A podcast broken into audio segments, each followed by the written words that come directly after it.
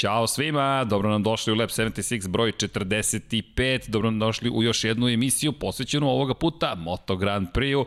Kada govorimo o brojevima, jel te brojčanik je uključen tamo u Formuli 1, Lewis Hamilton ga je uključio, mi smo davno pokrenuli Lab 76, a kada govorimo o broju 46, koja je sledeća emisija, ovde viri jedna kaciga i tražili ste, verovatno ćete stoga i dobiti broj 46 posvećen Valentinu Rosiju naredne nedelje. Međutim, da ne trčim pred rudu, Valentino Rossi će imati svojih i više od 5 minuta u emisiji koja je pred vama u broju 45, a kada govorimo o Moto Grand Prix, to je moj dragi prijatelj i kolega Deki Potkonjak. Ćao Deki. Ćao Srki. Si mi dobro? Super. Danas u malo drugačijim bojama, malo smo tamniji, ali dalje se bavimo ozbiljnim temama. Movembar, da ne kažem novembar ili bolje rečeno kao što sam rekao, Movembar je na redu i mesec posvećen povećanju svesti o bolestima kod muškaraca. Australijska organizacija Movembar traži od nas da jel te puštamo brkove, da pričamo o svesti o tome da momci treba da idete se proverite. Rak testisa, nažalost, rak takođe prostate, neke od bolesti ne samo modernog čoveka, ali o kojima se mnogo više priča, pa vas molim, kao što smo devojke molili u oktobru da odu da se prekontrolišu, da se i vi prekontrolišete, devojke kao što smo molili momke da vas podrže, podržite vi vaše momke, a mi eto pustit ćemo bradu, mada ti si deki odavno pustio bradu, dakle, pa pretvorit ćemo ih, ja ću ih pretvoriti u pokušaj brkova, vidjet ćemo da li će mi uspeti, ali zaista držite se, ja zajedno, molite se. Nije problem. Da, kod tebe to da, čekaj, hoćemo, ja sam spreman da idem na Hatfield varijantu, ako uspem da dođem do te dužine. Da, ali... ja ću neki Jon Cirijek da bude. to sam od uvek želeo. Da, ali to, Hatfield Cirijek, to je pa, jako slično. Slični, slični, mada da, ti imaš da. i sad sede vlasi u bradi. da, tako to nestane, da, da tako da. Lako ćemo to da sredimo. Ja ih nemam uopšte, nemam vlasi, da. dakle, tako da ovo će biti interesantan pokušaj novembra. Ali zaista, ljudi, vodite računa jednim drugima i eto, momci ovoga meseca je red na vas da povedete račun o sebi, neko vas voli, pa eto, ako ne zbog sebe, onda zbog tih drugih ljudi malo povedite računa. Kada govorimo o zdravlju, emisija trebalo bi da krene od toga da nas čeka thriller, thrilling trka u 15 trka, bitka za titulu šampiona sveta u ovoj bizarnoj, haotičnoj 2020. u Moto Grand Prix kategoriji, u Moto 2 i Moto 3. Pre nego što smo počeli, rekoh, bitka za titulu, ispravio si me, bitka za tri titule. dakle, deki, hajmo date da krenemo, pa ćemo doći na zdravlje. Zašto? Valentino Rossi imao pozitivan, nažalost, test COVID-19 i pitanje da li ćemo ga vidjeti u Valenciji. Nestrpljivo čekam, evo, refreshujemo vesti, ne bismo li dobili neku novu informaciju, ali za sada odakle krenuti? Ajmo od Rossi, ajmo od čoveka, ajmo od toga što je ipak nekako najvažnije u životu, zdravlja dobio je test koji kaže da još uvek ima COVID-19 i za sada neće biti u Valenciji. Pa da, eto, ove vesti, sve što smo pratili, delovalo da se ono oporavio i sam je tvrdio da se dobro osjeća, da je sve okej. Okay. Ovaj, ali mi koji smo to, nažalost, i, i preležali, znamo da to da. baš i nije tako, da kao preko noći ti si odjednom skroz okej, okay, nego jednostavno nadali smo se da će ti testovi biti ovaj pozitivni negativni stvari da će moći da da otputuje ovaj za Valenciju međutim jučerašnji test je pokazao da on i dalje pozitivan, tako da ja da mislim da sad neće biti ni vremena, pošto on mora dva negativna testa da ima za redom da bi mogao da, da se nađe u, u padoku, ovaj, nisam siguran da, da će biti vremena da on stigne da, da ovaj, čak i da budu oba negativna, da, da se pojavi ovaj, u petak na stazi, čak i ako se pojavi posle ovolike pauze, kako će biti to izdanje za vikend, zaista ne znam i baš mi je, baš mi je žao zbog toga. Deki, ajmo da pričamo, u broju smo 45, dakle možemo i o godinama da pričamo. Da. Rossi ima 41 godinu. On je u petoj deceniji, mislim to ljudi... Nemojmo ne zaboraviti ne taj da moment. zaboravi da njemu, njemu i za, za sve stvari ovaj, posebno one koje su vezane za, za fizičke pripreme, po, potrebno vratno i više vremena i napora nego drugima, a posebno kad si u ovoj nezgodnoj situaciji sa covidom, onda to stvarno može da bude ovaj, neprijatno i, i da malo duže traje, tako da, ne znam, videli smo ovaj, imali smo situaciju sa Jorge Martinom koliko mu je trebalo da se vrati, ovaj, koji je mnogo mlađi od, od I u Moto2 Rosija, da, i u Moto2 ka, kategoriju koji pa, ipak manje zahtevnije od samog Moto Grand Prix, tako da ne znam, mislim prva Valencija, čak i da budu rezultati negativni, ne znam kakvom bi izdanju dobili Valentina Rossi, ali eto, ostane nam nada da ćemo ga videti na drugoj trci na isto mesto. Da, imamo, kao što smo rekli, tri trke u 15 dana manje više, to jest ako, ako posmatramo, ako posmatramo i, i prve dane treninga, dakle mi ćemo praktično u 17 dana imati sve odluke u šampionatima sveta. Dakle, i Moto Grand Prix, u Moto dvojkama i u Moto trojkama. Moto Grand Prix je kraljevska kategorija, s razlogom gledamo najviše ka njoj. Međutim, Valentino Rossi u okviru te kraljevske kategorije je devetostruki šampion sveta. Čovek koji je sedam puta te, u toj klasi bio najbolji. Neko ko je i jedan od najvažnijih, možemo reći, ljudi u istoriji ovoga sporta. Dve trke je propustio, rekao dve, dve previše. Znamo da je produžio ugovor sa Petronas i Mahom za narednu sezonu. Ovo su, međutim, poslednje tri njegove trke u ovim bojama.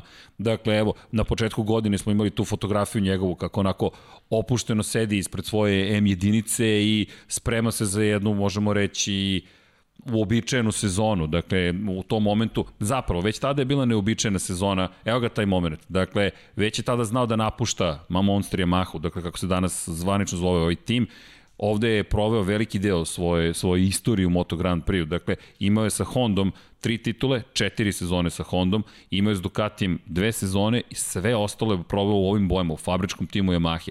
Poslednje tri trke sada bi trebalo da vozi, postoji mogućnost da ne vozi jednu od te tri trke. Pride šta to sve znači za njegovu karijeru i ostalom za pripreme za 2021. godinu. Pa, kroz njegovu karijeru smo videli koliko je, kako bi to moglo da kažem, emotivnije vezan za Yamahu od ostalih brendova, tako da, da, da verujem da je on imao neki plan za ovu završnicu ovaj, ovog dela karijere, da tako kažemo, jer teško je stvarno ovaj, i pretpostaviti da postoji neka mogućnost da se ponovo nađe u nekom fabričkom timu. Znači ovo je stvarno, stvarno ovaj, neka poslednja prilika i za nas koji smo svedoci čitave njegove karijere da ga vidimo ovaj pa ere možemo reći. Ere, ere, ere ovaj, da ga vidimo na, na, na taj način na, na gridu i stvarno je velika šteta što eto mislim čita ova sezona je sve poremetila evo na kraju se dešava da on baš on bude taj prvi vozač iz Moto Grand Prix da, da, da zakači taj COVID, ali jednostavno eto, malo, malo su te neki, taj neki splet okolnosti, malo je bio ovaj, možda i neoprezan. Znamo kako, kako i zaradio, to je pretpostavke kako je ovaj zaradio taj taj virus, taj odlazak na na tu rođendansku žurku svoje svoje devojke, tako da to su neke stvari koje jednostavno pokazuju da kad se baviš nečime gde gde je zaista neophodna visoka doza profesionalizma ne postoji ni trenutak upuštanja. Ali, tako da. ali govori o emocijama. Tako dakle, je, to tako ti je. Pa ne, mislim, osoba, teško kažeš, je da ti sad okay. nekog možeš da kriviš tu zašto je ne, nema to krivaca. tako uradio ili, ili nije uradio, jednostavno desilo se, ali eto, nažalost, mi ćemo biti uskraćeni za taj neki finiš tog dela njegove karijere. Da, mi se zaista nadamo da izvodimo, da ti lepo si rekao, tehnički je pitanje da li mi možemo da stignemo do toga da Valentino Rossi do petka ima dva negativna testa. Koja su neophodno po pravilima Moto Grand Prix. U suprotnom da, neće biti dozvoljen ulazak u padok. Tako je. Može on, možda će mu neko dozvoliti da doputujemo da i to problematično. Mislim da se neće ni čak ni to desiti. A jedina lepa vest je cijela priča, ja sam negde, negde video i čak ima i potvrda da je njegov motorhome krenuo već u ponedeljak popodne čini mi se ovaj, ka Valenciji, ali da. to ne mora ništa da znači. To, to je jednostavno, svi smo se nadali, stvari, verovatno se on nadao, motorhome je morao da krene čisto zbog te neke fizičke distance koje postoji ovaj, između Italije i Španije, mora da krene na vreme, verovatno se on nadao da će taj ovaj, PCR test biti negativan, međutim, nažalost, eto, nije tako da sledeća dva već, već je neko odbrojavanje krenulo, tako da zaista je jako teško očekivati da ga u petak vidimo u padoku. I onda se postavlja čuveno pitanje za današnji dan, za sve ljubitelje Moto Grand Prix-a, evo postavit ću ga i tebi. Ko je Gerrit Gerlof? Gerrit Gerlof, da. Ko je Gerrit ovaj... Gerlof? Čekaj, Dene, iz, od Valentina Rosija mi smo otišli na ime i prezima Gereta Gerlofa. Poštujemo svakog vozača, ali u istoj rečenici Valentino Rossi, Gerrit Gerlof, a neophodno je napraviti uvod, pa molim te, ko je Gerrit Gerlof? Reći ću samo jednu stvar kao uvod. Čovek koji će menjati Valentino Rossi u Valenciji. Da. Gerard Gerlof je čovjek koji će možda ovaj, uslišiti neke tvoje želje iz prethodnih podcasta. Da, se, da ovako, konačno. Okay. Da se konačno ovaj, nađe novi Amerikanac u Moto Grand Prix ovaj, šampionat. da, nisam planirao, Eto, da. dakle nije to bila ideja. Da, ne ali, baš na taj način, da. Da, izgleda da. moj Valencija suđena sa Amerikancima. Niki Hayden ga je tamo pobedio za titulu, sada da. Gerard Gerlof ga menja, ali držim palčevi i Rosiju i Gerlofu, ali činjenica je, mi imamo zamenu potencijalnu zamenu, ukoliko se desi da Rossi ne bude mogao da vozi za veliku nagradu Evrope, podsjećamo, velika nagrada Evrope u Valenciji, pa velika nagrada Valencije u Valenciji i trebalo bi da se održi velika nagrada Portugalije u Portimao. Da, Portimao, da, da ne zaboravimo, ovaj, što se tiče Portimao, premijer Portugala je bio, da tako kažem, prilično besan na kompletne događaje vezane za a, trku Formula 1 na istom mestu. Da ovaj, tamo se baš nije, ovaj, nisu se poštovale mere i mi sad nemamo u ovom trenutku neke brojeve vezane za, za ovaj, direktno ljude koji su inficirani na, na toj trci, ali očigledno da je bilo velikih problema, tako da što se tiče Portima, uh, gotovo je sigurno da, da, da, da će biti zabrano prisustvo publike, što sa druge strane uh, vodi ka tome da će trke ipak biti, što je ono u principu nama, nama i najvažnije. Sad, pošto je čitav sezona ovakva kakva jeste, ako je to neka cena da, da nemamo u Portugalu publiku, onda ok, neka, neka bude, Bolje neka bude to, to samo, da znamo da, da će trke. da bude trke. Tako, tako, je, da tako ne je. bude u nekom trenutku o, o, ove dve trke u Valenciji da mi saznamo da, da poslednje trke neće biti, ili to će stvarno onda mnogo, mnogo promeniti čitavu našu priču. A, e, apropo našeg pitanja, evo ga, apropo, stiglo je danas mnogo ranije nego u F1, ali dobro, drinking game je počeo, ajmo, evo ga, čaj može umesto živjeli. vode, živjeli. Podsećamo vas u ovim vremenima, dakle, zime, jeseni, mada ako živite na južnoj poluopti ili nekim toplim krajevima, možda ne morate čaj, ali toplo preporučujemo. No, apropo Gereta Gerlofa, čovek nema čak ni svoju Wikipedia stranicu. Dakle, govorimo o čoveku koji je vozio od ove godine, evo ga, dakle, hvala Vanja, bravo. Ne, danas nam je Johnny tu, dakle, Ne, dakle, danas Vanja ima podršku u vidu Johnny-a. Vidjet ćemo koji nadimak će dobiti Johnny, ali eto, već si dobio. Dakle, Pablo je tu, Johnny je tu, Vanja je tu. Čujte, ovo postaje ozbiljna grupa ljudi koja se bavi automotosportom, NFL-om i kosmosom. No, da se vratimo na Gereta Gerlofa. Nema svoju stranicu na Wikipediji, Govorimo o čoveku koji će zameniti Valentina Rosija, gde morate da scrollujete jedno 5 minuta da biste pročitali cijel njegov istorijet, ali Gerard Gerlof vozio za Yamahu u svetskom šampionatu u Superbajku i na kraju sezone više puta bio na pobedničkom postoju. Nije zabeležio pobedu, ali dva puta je bio treći, jednom je bio drugi. Ne govorimo o bilo kome, ne govorimo ni o nekome koga biste nužno prvog stavili kao zamenu za, za Valentina Rosija, pre svega I ovo jeste nekako tema koja je otela ovu pripremu za, za borbu za titulu šampiona sveta, ali očekivali smo kad ga ovog čoveka da će se, da će se naći na stazi pa, u Valenciji. Men, meni, deluje, meni deluje da je uh, Gerlof uh, došao do ove situacije nekim sistemom eliminacije. Okej. Okay. Ako krenemo, znači ako krenemo priču vezanu za, za Jorge Lorenza, kasnije ćemo da raširimo čitava ova situacija u ovom trenutku gde on očigledno je, je pregovarao ili dalje pregovara o mestu test vozača u aprili, da je to možda jedan od razloga zbog čega ga je Maha u ovom trenutku eliminisali iz te priče. Drugo je e, njegova priča da on u, u, u ovom trenutku, stvari čitave ove sezone, nije bio na fizičkom nivou da bi mogao da odgovori zahtevima Moto Grand Prix motocikla. Uh, to je priča vezana za Jorge Lorenza, a s druge strane, već smo imali situaciju da je a, rezerva vezana za a, Valentina Rosija, koji se spominju u nekim ranijim situacijama, bio Michael van der Mark. Ali on je potpisao već za BMW za sledeću Superbike sezonu, što je njega verovatno eliminisali iz ove priče. I onda se verovatno pojavio Gerlov kao momak koji je u ovom trenutku pre svega fizički spreman da može da, da, da, da ovaj, odgovori zahtevima a, jedne motogram pritrke. Ovaj, on je inače se nalazi u junior programu ovaj, Yamahe, iako mislim, čovjek ima 25 godina, što je sad već, već je relativna stvar da, da, da je junior. On, on vozi u satelitskoj ekipi Yamahe u Superbike šampionatu. Kao što si rekao, već je zabeležio neke zapažene rezultate.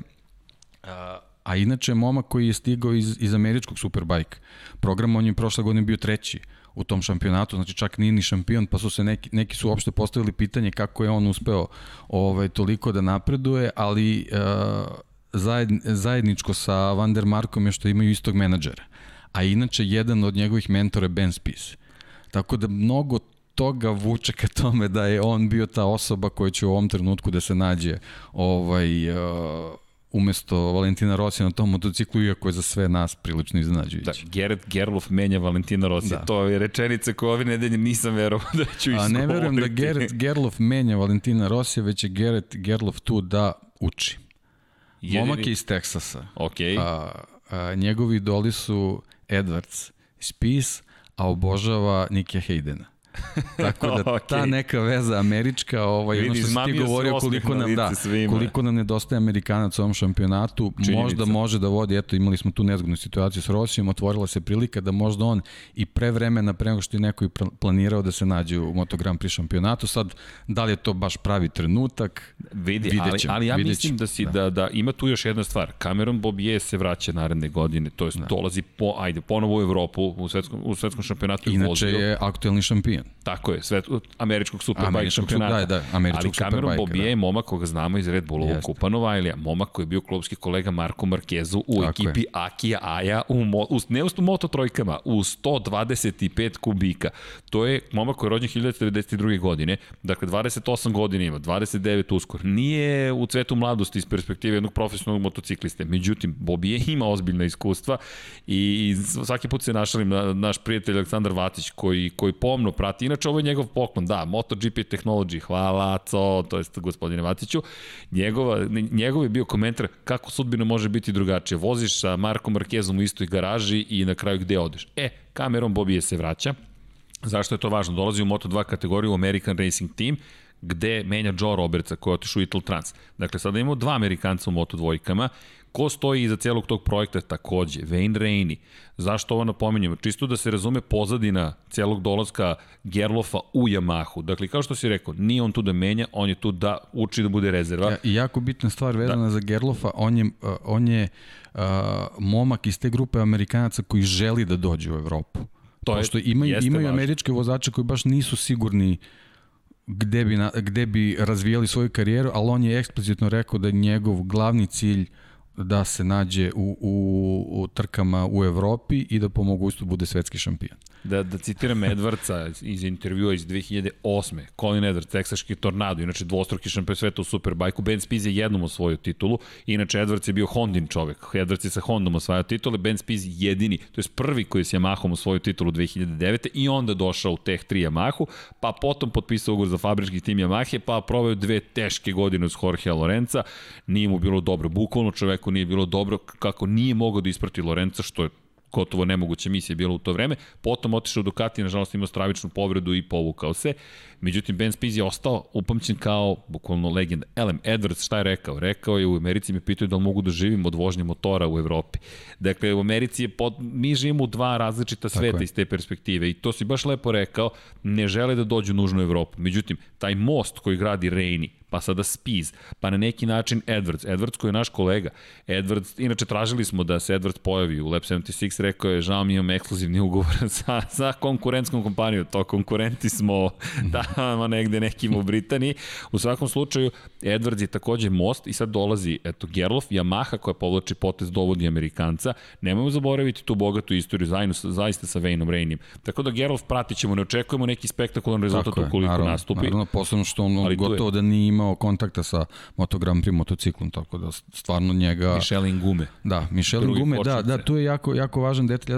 Naleteo sam na jedan intervju njegov gde je spominjao razliku ovaj, između Dunlopa i Pirelija, pošto on u američkom šampionatu vozio na Dunlopu i, i prešao je na Pirelli vezan za Superbike. I onda je pričao o, o tom prelazu i koliko mu u stvari uh, Pirelli mnogo više odgovarao zbog njegovog stila vože koji je nekako nežniji i tečniji što znači da bi možda mogo dobro da se uklopi na ovu, na, na ovu Yamahu. Sa novim Michelinom za ovu godinu. Je, je, osvrnuo se na to i rekao da, da njemu kombinacija u američkom superbajku sa Dunlopom uopšte nije odgovarala zašto je morala da bude ekstremna, snažna, oštra, a on jednostavno nije takav stil, stil vozača, ali to ćemo svi, svi moći zajedno da se uverimo tek tek ovaj, sad za ovaj vikend ukoliko bude menjao Valentina Rossi. Da, i taman da vidimo njegovu fotografiju, Johnny, ako možemo da bacimo pogled, čisto da znate kada se ovaj momak pojavi na, na ekranu, to je da Gerard Gerard.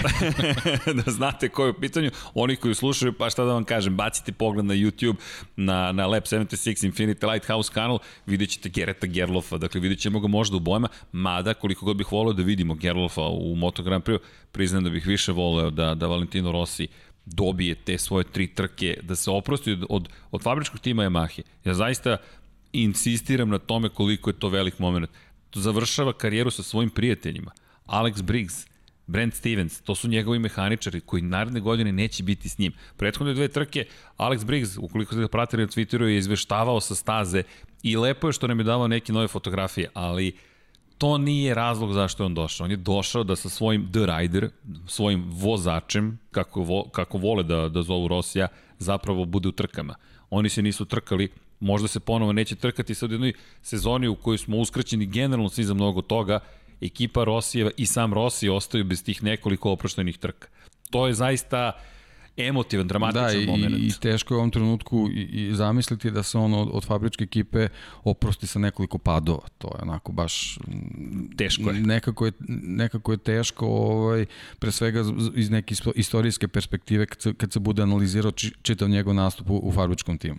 Tri pada zbog za redom, da, da. dve trke zbog bolesti, možda i tri trke, to je šest trka u sezoni u kojoj je već, već bila skraćena. Da, tako je. Da, tako dakle, da, to je, da nije pravi način. Baš je katastrofa za nekoga koji to tako mnogo učinio, volili bismo da se to Naravno, na njega ćemo i dalje gledati, sve, sve je to okej, okay, nego ovo je jednostavno taj, što si ti rekao, kraj neke ere koje Jest. šteta se da se ne obeleži na nikakav način, eto to je. Ba, bukvalno da, da se ne obeleži Pošto mi jako pogrešno. malo imamo i saopštenja iz njegovog tabora i to jednostavno nije, nije način komunikacije na koji smo navikli s njim. Koga još nećemo imati na stazi? Na stazi nećemo imati, dakle, Jorge Lorenza. Zašto insistiramo na Jorge Lorenzu?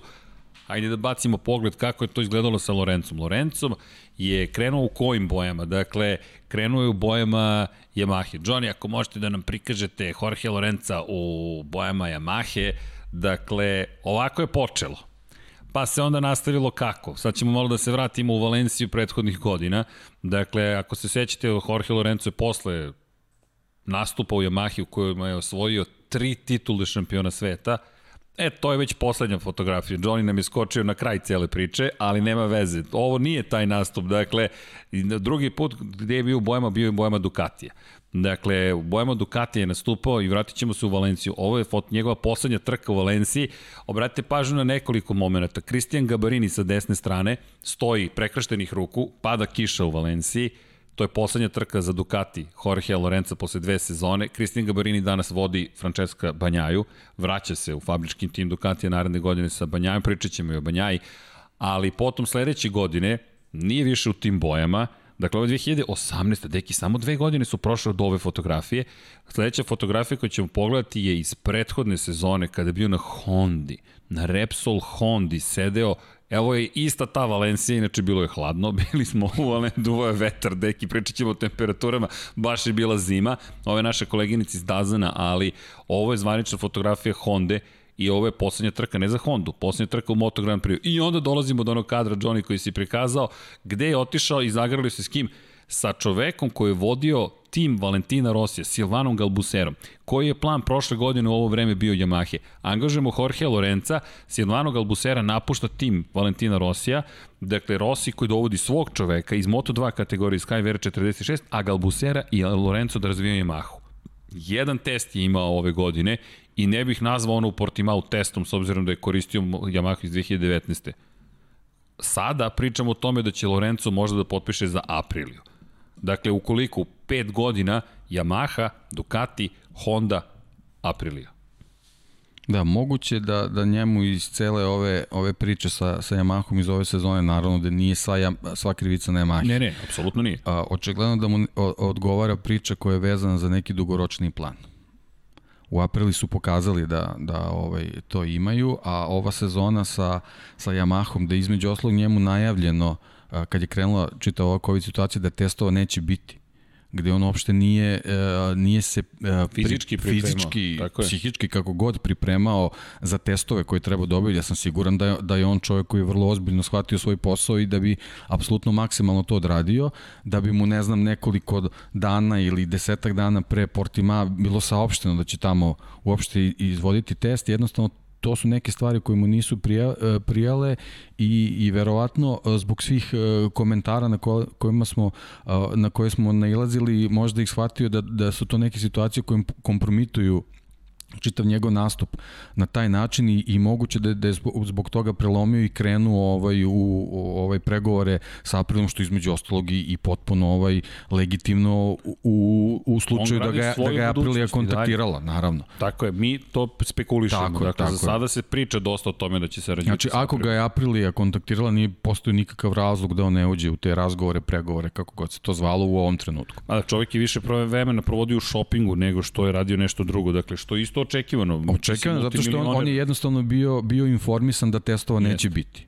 Znači da, da, to bukvalno je, da, znači da on svoj, svoj posao nije obavezan da radi. I zašto bi se neko fizički pripremao, pre svega to uopšte nije lako da, da se bude fit e, na onom nivou koji to zahteva Moto Grand Prix. Zašto pričamo i o Rosiju? Rossi tek tako da se vrati uz tako COVID je, sa 41 to, godinom je, i sedne je. na motociklu. Ne, ne, to nije rekreativna vožnja, to je vožnja na najjačeg motocikla na planeti Zemlji koji se proizvodi za trkanje, ne za postizanje maksimalne brzine i protiv kakvih ljudi, protiv kakvih vozača ti moraš da nastupiš. Dakle, to je zahteva ozbiljnu psihofizi, psihofizičku pripremu. Psihofizičku pripremu i kao što je što Lorenzo rekao, ovaj, sedanje na Moto Grand Prix motocikl posle određene pauze zahteva vreme da se ponovo prilagodiš dimenziji na kojoj funkcionišeš na tom motociklu. Znači ta priča, je veza, e, ta priča je vezana za njega, vezane za Rossi u ovom trenutku, ali je samim tim vezan i za Marka Markeza, da se, da se vežemo i za njega i za njegovu povredu, pošto je saopšteno, Jeste. naravno potvrđeno da, da, se, da, se, da ga nećemo videti ovaj, u prvoj Valenciji, što smo, što smo, što smo i očekivali. To bi bila sledeća Tako tema, je. dakle zapravo koga još nemamo. Povezali smo ih, je. to je otprilike slična priča za svu trojicu e, mi kada govorimo i pa zapravo koja je poenta cele priče, dakle imamo velikog šampiona u vidu Valentina Rosija koji ne znamo da li će nastupati, koji završava karijeru u Monster Yamahi, koji završava karijeru u fabričkom timu, odlazi u Petronas, na koji način? Padovima, bolešću, odsustvom u svojoj garaži, on nije kod kuće, to je njegova kuća, to je njegov dom i nema ga u ovom trenutku. Zatim gledamo Jorge Lorenza koji traži svoj dom. Eno, namjerno smo stavili pored Jorge Lorenza njegove kacige, to je AJC kacige iz 2015. Prešao je na Shark kasnije, Repsol je tu koji ga je Mig Duan je tu tamo iza se krije i Maverick Vinales o kome ćemo pričati i dolazimo do trećeg šampiona koga takođe nema na stazi. Marka Markeza. Dakle, vidjet ćete i sami fotografiju kada govorimo o, o Marku Markezu i, i, i o tome zašto je ovo bitan moment. Dakle, ako možemo, Johnny, molim te, fotografiju Marka Markeza da vidimo. Dakle, kada govorimo o, o tim povredama i ako govorimo, ovo je moment, možemo se zadržimo ovde. Dakle, ovde pričamo o nečem što ljudi, naša ideja je da uvek emitujemo pozitivnu energiju, čak i u ovim teškim momentima. Dakle, ovde ga posmata tehnički direktor Honda, koji je zadužen za razvoj motocikla. dakle, i vjerojatno Mark, Marquez kaže, ovo je sad naravno šala, potpis za fotografiju. Možeš da mi popraviš ovo, molim u rukavu, da. Kako bismo da mogli ovo, tako je, da. ovo da namestimo, s obzirom da si Hondu namestio, makar ste je namestili u Aragonu i Teruelu, e, ova fotografija je mnogo važnija iz naše perspektive. Deki, Ovo je jedina fotografija Marka Markeza na motociklu posle Hereza. Da, ovo si baš insistirao da nađemo da. ovu fotografiju za emisiju i ovo je fotografija gde ima nekoliko stvari koje možete videti. Prvo ožiljak koji deluje zaista jezivo. Druga stvar jeste upravo to što si rekao. Prva fotografija Marka Markeza i jedina fotografija da. Marka A Markeza. A vezao bi se na ono, ono što, što smo ovaj, parafrazirali Lorenca, potrebno je vreme da bi se neko vratio i uvozao sa Moto Grand Prix motociklom. I, On ove godine nije vozio motocikl posle Jereza. Ova fotografija takođe, molim te Johnny daj nam ponovo fotografije, veoma važna, zašto? Pogledajte kako morate da koristite ruku tokom vožnje Moto Grand Prix motocikla. Dakle, pogledajte gde stoji njegova nadlaktica. Mi, to nije vožnja bicikla, to nije vožnja motocikla u svakodnevnoj vožnji. Ovo je trkački motocikl, popularni R motocikl, racing motocikl položaj tela, vi ležite praktično na rezervoaru. Ruka je na rezervoaru desna i grli taj isti motocikl. Fizička zahtevnost je neverovatna. Druga stvar, kako stoji ruka? To da je gas. I tu je prednja kočnica. A ne, vidi, ovde se vidi napon podlaktice samo u ovom, u ovom statičnom položaju. U statičnom položaju ti vidiš kako je zategnut mišić podlaktice i kada govorimo o finesama u vožnji, zašto pričamo o svemu ovome, Da, ovo je čovek koji je odsutan sa staze, cele sezone. Nemamo Rosija, nemamo Lorenca. Cijela smena generacije se do, događa i nažalost nekima povredama, nekima prosto godinama, ali kada pogledaš ovu fotografiju, kako se priča sklopila u jednom momentu da ti njih trojicu nemaš na stazi i nemaš na stazi i nemaš na stazi i ne znamo šta će biti, priča o trećoj operaciji za Marka Markeza, mi se iskreno nadamo da grešimo i da je neće biti, ali Štefan Bradlo će ga menjati do kraja sezone, to je čovjek koji ima osam titula šampiona sveta, Lorenzo ih ima pet, Rossi ih ima devet, dakle mi u, u, u, u jednoj rečenici imamo 22, 22 titule šampiona sveta. To su nestvarne brojke, ali kako je uvijek ide, planeta se vrti, ide život dalje i mi dolazimo do one priče koja će biti glavna u narednih 15 dana. A ko će biti novi šampion sveta? Evo da te pitam, Deki, pitao sam te ko je Gerlof, da te pitam ko osvoja titulu u Moto Grand Prix-u. Apsolutno odbijam da, da odgovorim na, na to ne, ne, pitanje. Ne, ne, description će biti Deki odgovara. da. Dao si odgovor sad. Da, da. Da, pa ne znam, ne znam, mislim, bukvalno sve što nam se izdešavalo ove sezone, ovaj, apsolutno ne važi od ovog trenutka i od, od, od, od samog dolaska u Valenciju mi krećemo u završnicu kao da, bukvalno da krećemo od nula. Da, bukvalno imamo sprint Bodov, trke. Bodovne tri. razlike u šampionatima nam govore da bukvalno krećemo od nula. 28 poena deli vodećih pet vozača. Dakle, mi govorimo o tome da tri trke pre kraja. Jedna pobeda je 25 poena drugo mesto 20, treće mesto 16, četvrto mesto 13 bodova, 11, pa 10, 9, 8, 7, 6, 5, 4, 3, 2, 1 do 15. pozicije.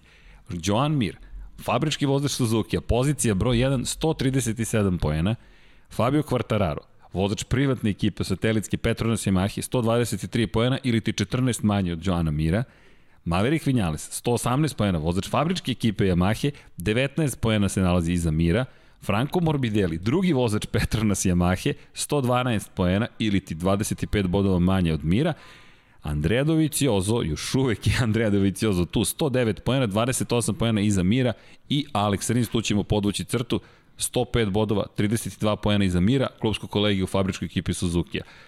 Ko osvaja titul? Apsolutno je nemoguće i da, savršeno si rekao. O, o, ove momke koje si nabrojao, to su najozbiljniji kandidati. Tako je. Ali Teoretski... priču o ovoj ludoj sezoni e, treba ovaj završiti, to jest e, ov, ovaj, ovaj uvod treba završiti sa 14. mesto, sa 14. mestom u šampionatu i Johnom Zarkom koji ima matematičke šanse. Da, on ima da matematičke šanse, 73 poena zaostaje za mirom. Znači to se nije desilo u istoriji Da, nije se desilo vrhunske klase od kad postoji u, u, u motociklističkom šampionatu. Ne, nikad. Mi inače dobijamo, dobijamo, pred svaku trku dobijemo, Martin Reins je zvanični analitičar i statističar šampionata sveta.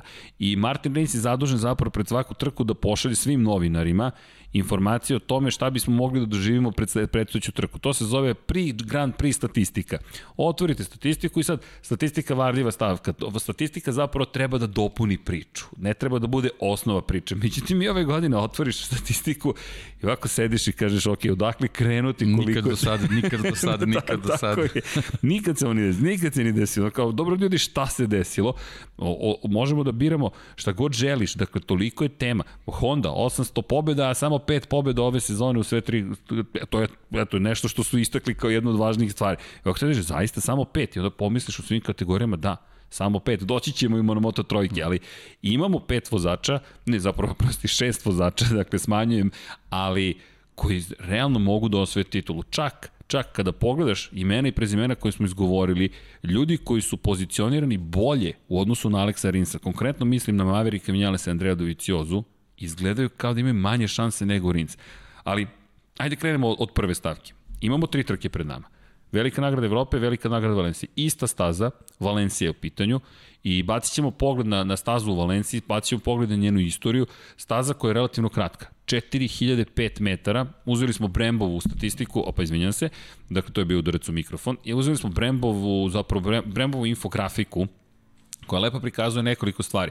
Prikazuje, dakle, izgled same staze, kratka staza 4005 metara, 27 krugova, Kada govorimo o zonama kočenja, dakle, idemo dalje kada je reč o Lab 76 i analizama, imamo 9 snažnih zona kočenja. 32, 32% kruga se provodi na kočenju i negde srednjeg intenziteta je staza i te perspektive. Tri krivine se ističu. Prva, osma i 12. I vidjet ćete na sledećem kadru zašto ih ističemo. Zašto odavde krećemo? Pa ovo je staza koja će biti domaćin dvema trkama.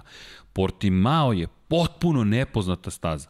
Vidjet će mi Mišelinovu grafiku kasnije koja kaže nije se vozilo ovde zato što je velika nagrada Evrope, ni to nije tačno, ali deki, ovo je specifična staza, Da, ovo je pogled, dakle, na opterećenje kada je reč o gumama. Možemo samo da vratimo kadar unazad. Brembovo, dakle, grafika broj 2 I tu je mnogo važan moment, dakle, iz perspektive toga u kojoj krivinu se kako ulazi. Dakle, vratit ćemo se i na Mišelina. Deki, ovo je kratka staza. zavojita staza, nema dugačkog pravca, mnogo krugova i kome bi to trebalo da odgovara u celoj sada ovoj priči, da li je moguće uopšte istaći nekoga. Imamo u igri da oba Suzuki-a, imamo tri Yamahe i jedan Ducati. A, pre svega staza, to smo već spominjali ranije, staza koju gotovo svi poznaju. Znači, apsolutno nema a, tu ne postoji neka zadrška i neka priča da kažemo ne postoji opravdanje za bilo kojeg od vozača na gridu. Znači, Valenciju apsolutno svi poznaju kao svoj džep. Ovaj, Bukvalno je domaća tako pista. Je. Tu Drug... se vozi, izvini, postsezonska testiranja, tako vozi je. se svetsko prvenstvo za juniore, vozi se, neka, nekada se vozio šampionat Španije, dakle, nema šta se ne vozi na tom mestu i vozi se u okviru svetskog prvenstva. Tako I sada imamo dve trke A tamo. sve što je vezano za, za Moto Grand Prix, da, da uprostimo, praktično se dešava u novembru u bilo kojoj drugoj sezoni. To sam da dodam. Ne, dakle, ne, ovo je, ne u ovoj godini. Znači, ovo je, ovo je taj period godine kad jednostavno uh, oni stižu u Valenciju na, na apsolutno poznati teren. Da li će biti lepo vreme, da li će biti kiša, da li će biti hladno, oni su se da, da ne idemo dalje, ali recimo u zadnjih pet sezona upoznali sa svima u Valenciji. Tako da, što se toga tiče, tu nema ovaj e, e, nema opravdanja e, za bilo koga od njih a sa, sa, sa druge strane iz te perspektive nema nemamo ni nekog favorita. Ali rezultati govore u poslednjih 5-6 sezona da su vozači Yamahe u nekoj blagoj prednosti u odnosu na ostale. Da li je zbog, zbog same konfiguracije staze kao što si rekao, znači ne, ne postoje izrazito dugački pravci, uh, ne postoje uh, izrazito specifične krivine u smislu nekog snažnijeg kočenja, prolaska kroz nju i, ta, i tako dalje, ili je faktor Yamahe bio Jorge Lorenzo. E, to sad znači, hoću da te to pitam. Je, to je sad, sad nešto što je, što je možda može da bude ključno, ali opet sa druge strane mi imamo prošlu godinu koja je možda i najbolji reper u odnosu na sve, gde smo imali Fabija Kvartarara na pol poziciji, zato što iz prošle sezone moramo, nažalost u ovom trenutku da ovaj eliminišemo Marka Markeza, ali njega ne, nećemo imati na stazi. Znači, prvi najbrži iz prošle sezone je Fabio Quartararo pozicija broj inače 2. Tako dakle, kada da. govorimo, opet je bio pobeđen. Dakle, imamo, inače to je lep kadar. Dakle, kadar od, iz prethodne godine, vraćamo se, pričamo priču, dakle, u kojem Mark Marquez dominira. I to je moment kada se kaže, imamo tri svetska šampiona, bi interesantno kada se pogleda iz današnje perspektive ta fotografija gde njih to trojica stoje na, na, na, na, na, na startno ciljnom pravcu i imate Marka Markeza s jedne strane, njegovog rođenog brata s druge i sa treće strane Lorenza Dalla Porto. Zašto je to važno? Dakle, u tom momentu se govori niko neće skinuti Marka Markeza sa trona Moto Grand Prix nikada manje više. I tad smo upozorili ljudi polako, ko zna šta tu može da se desi, ko zna kako može da izgleda sezon, nismo ovo očekivali COVID-19, ali Marquez je tu pobedio. Nije pobeđivao često ovde, Mark Marquez 2014. pobedio prethodni put u Valenciji. Dakle, pet godina je prošlo između prve i naredne pobede u najčoj kategoriji. Ko je slavio 2018. Andrea Doviciozo, pazi sad, To su Honda, Ducati, Honda, Dani Pedrosa slave 2017. Lorenzo na Yamahi slavi 2016. i 15. i 2013. Slavio je i, i u prethodnoj deceni, to je na početku prethodne deceni 2010. Ali kao što si rekao, da li je to faktor Lorenzo koji je dominirao, dominirao u, u, u tim godinama kad, kad je i triumfovao. Ili ćemo videti Yamahu kako nešto postiže. to su nemoguće pitanja. Tako je. Da je bukvalno nemoguće pitanje. Pogotovo, meni je neverovatno kada pogledaš, Ducati nije ovde često slavio. Poslednja pobjeda pre uspeha Andreja Dovicioza, Casey Stoner.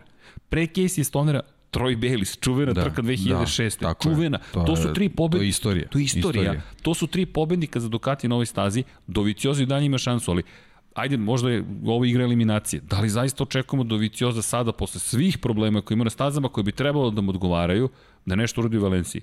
Znaš šta, kada ovo izgovorim, Pa možda sada treba da očekujemo, pošto niko ne očekuje Zašto ništa. da ne? Zašto da ne? Posledno što smo imali pobedu Danila Petruća u specifičnim, specifičnim uslovima na Lemanu. A, Doviciozova pobeda u Valenciji je postignuta u specifičnim uslovima, hladno, kišovito ili već kako se odvijalo vreme te godine, a za, za ovu trku nam je, za ovu prvu trku Valencijom nam, nam je najavljeno slično promenljivo vreme. Tako da iz, iz, iz, iz tog ugla i, i sa tim podacima koje, s kojima raspolažemo, njega ne treba eliminisati iz, iz čitave priče. Posebno što ovo, a, pošto se on najviše žalio na, na, na brzinu Ducatija, koji je nekada bio, bio, bila glavni adut za čitavu priču, ona ovde, koliko znamo, nije toliko neophodna. Kiša trenutno pada u Valenciji. Bukvalno kiša trenutno pada u Valenciji. Dakle, padaće i sutra. Danas je sreda. Za sve oni koji slušaju, gledaju odloženom, ne da nije live, tako da sigurno gledate i slušate odloženo samo pitanje kada. Mi u četvrtak imamo kišu u Valenciji. Najava za petak je da će biti mestimično oblačno uz blage padavine u jutarnjim časovima. Zatim dolazi subota gde kažu padavine u jutarnjim časovima, u prepodnevnim časovima. I onda imamo razvedravanje u popodnevnim časovima i u nedelju bi trebalo sve da bude da kažemo trebalo bi da či, bude. Trebalo tako, bi da tako, bude. Tako da eto, to je to je taj neki faktor koji možda može Ducatiju da pomogne da se priključi ostalim. A, drugi jako važan fa faktor vezan je za Suzuki. Mi njih nemamo u ovim statistikama iz prethodnih godina iz proslog razloga što su oni napredovali. Znači oni su sad sad na nekom nivou forme koji, koji nije, nije uporediv sa, sa prošlom nije, sezonom. Vidi, nije, ne pamtim, od, od, zapravo od 1980. koje prve, dakle imali smo situaciju, hvala svima, dakle pišite komentare, postavite pitanje, imat ćemo Q&A, smo počeli ponovo da uvidimo kako je ispao iz igre. Ne znamo, dakle ljudi, selili smo se, svašta smo radili, ali odgovori na vaša pitanja su kritična. Ovo je zajednica, Lab 76 treba da bude zajednica, dakle i da stvaramo tu pozitivnu energiju iz ljubavi prema automotu sportu. Šta je pojenta? Pojenta je da je četir, pre 40 godina poslednji put Suzuki imao dvostruku pobedu, tu u Finskoj, to su neverovatne stvari. Još nisu ostvarili dvostruku pobedu, ali čekali su 13 godina na prvo dvostruko pobedničko postolje i to je, e, to je super kadar. Dakle, iz Barcelone pobeda Fabio Quartarara. Kada Quartararo stoji u sredini, ko su ljudi oko njega? Dakle, o čemu mi pričamo? Pričamo kako se, kako se sve slaže. Ovo je taj moment, Quartararo diže, međutim, Suzukijevci su tu, prvi put posle 13 godina, Quartararo, dakle, slavi, i ovo je isto zanimljiva priča, Suzukijevci su tu. Ako skočimo na Teruel, to je tako, pošto je to druga trka, jel te, u, u, u Aragonu. U Aragonu smo imali dakle, dve trke, prva velika nagrada Aragona po, naravno, mestu i po stazi i zatim velika nagrada Teruela. Pogledaj ovo. Opet dva Suzuki-a, Jedino što na pobedničkom postoju najviše stepeniku ko, ko stoji jedan drugi čovjek iz Petronas. Čekaj, koliko Petronas ima pobjeda ove godine? Da, Petronas ove sezone ima pet pobjeda. Pet pobjeda? A drugi tim je Ducati sa dve. Znači, fabrički tim Ducatija koji otpisujemo u raznim situacijama je drugi, bez obzira što je samo dve.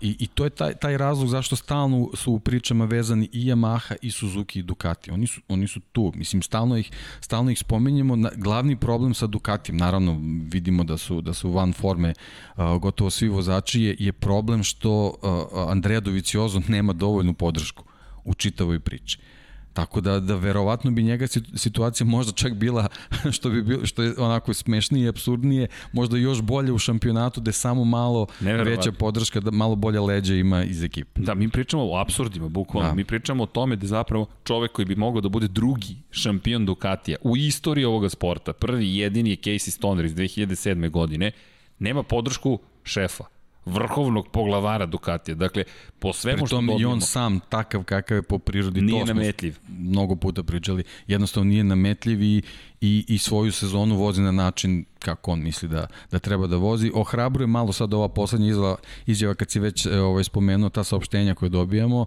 a, gde je rekao da će biti malo agresivniji, da nema šta da izgubi, tako i dalje, tako dalje. Doviciozo, izvini, da. prošle godine četvrti bio u trci. Dakle, da, ajmo da ne zaboravimo neke, neke od stvari. Pobjeda Marka Markeza, pozicija broj 2 Fabio Quartarara, treći je bio Jack Miller na fabričkoj verziji Ducatija. Dakle, Jack Miller je bio treći. Ducati imao čoveka na pobedničkom postolju. Četvrti bio Ducati Andrea Dovicioza. Razlike i dodao bih još Aleksa Rinsa koji je bio na petoj poziciji. 3,5 sekunde je delilo vodeću petoricu u Valenciji.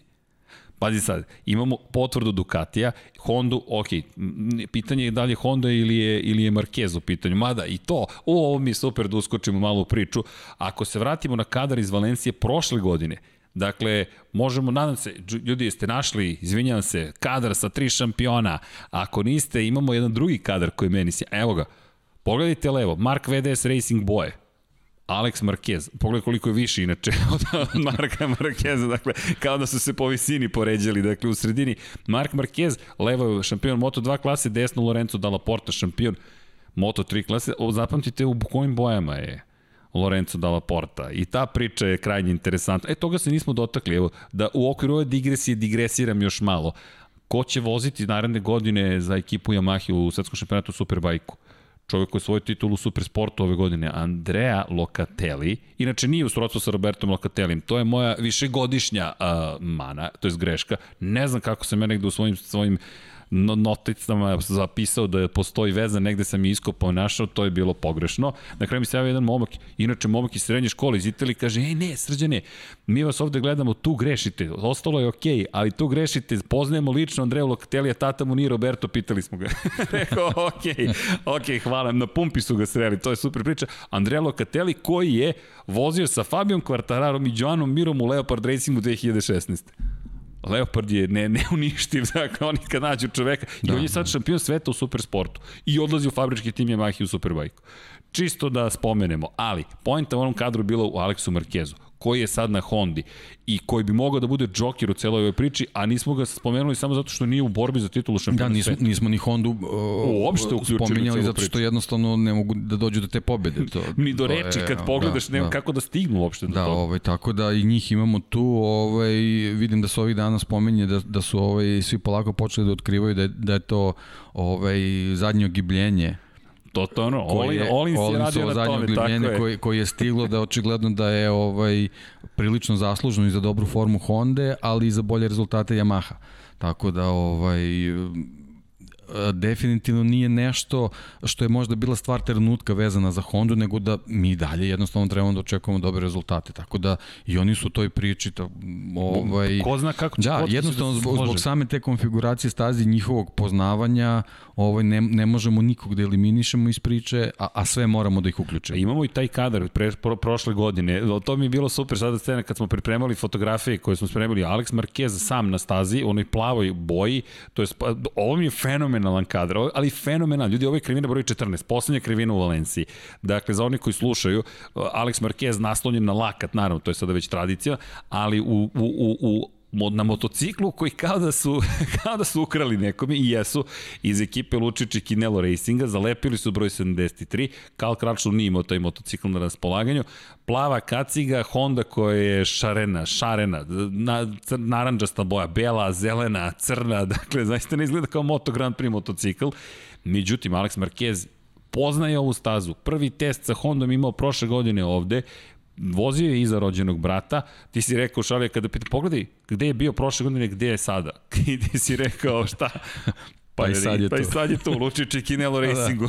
dakle, neverovatno, on istinu odlazi za sve ori koji ne znaju iz Honda, iz Repsol Honda i tu se oglasio i Pole Spargaro koji je rekao saradnje s Markezom će me ili učiniti herojem, šampionom ili će me uništiti. Tako da je Pole Spargaro otišao all in, što kažu u Texas Hold'emu, na sve ili ništa, prelazi u Repsol na, na, za naredne dve godine i svestan je to ono što je dobro, ali da se zadržimo na kratko zapravo na Aleksu, mislim da će on biti mnogo opasan, samo ga sad namerno ubacujemo u priču, jer poznaje stazu u odličnoj formi, samouveren je i Hondi treba pobeda, a šansi je sve manje da će zabeležiti pobedu u ovoj sezoni. Kao što si rekao, nema, Petrući Danilo je slavio za Ducati, Andredović je za Ducati, za Yamahu svi osim Rosija, to isto važno napomenuti kada pričamo o Rosiji. Jedini koji ove godine nije pobedio na Yamahi je Valentino Rossi. Zašto? Verujem da postoji još jača želja da se tako vrati. Je, tako je, zbog toga, zbog toga je žal što ga, što ga nemamo već. Tako, i, a imao je i delovalo je da, da, da na trci u Barceloni postoji čak šansa da zabeleži triumf. Tu je počeo i taj niz padova, ali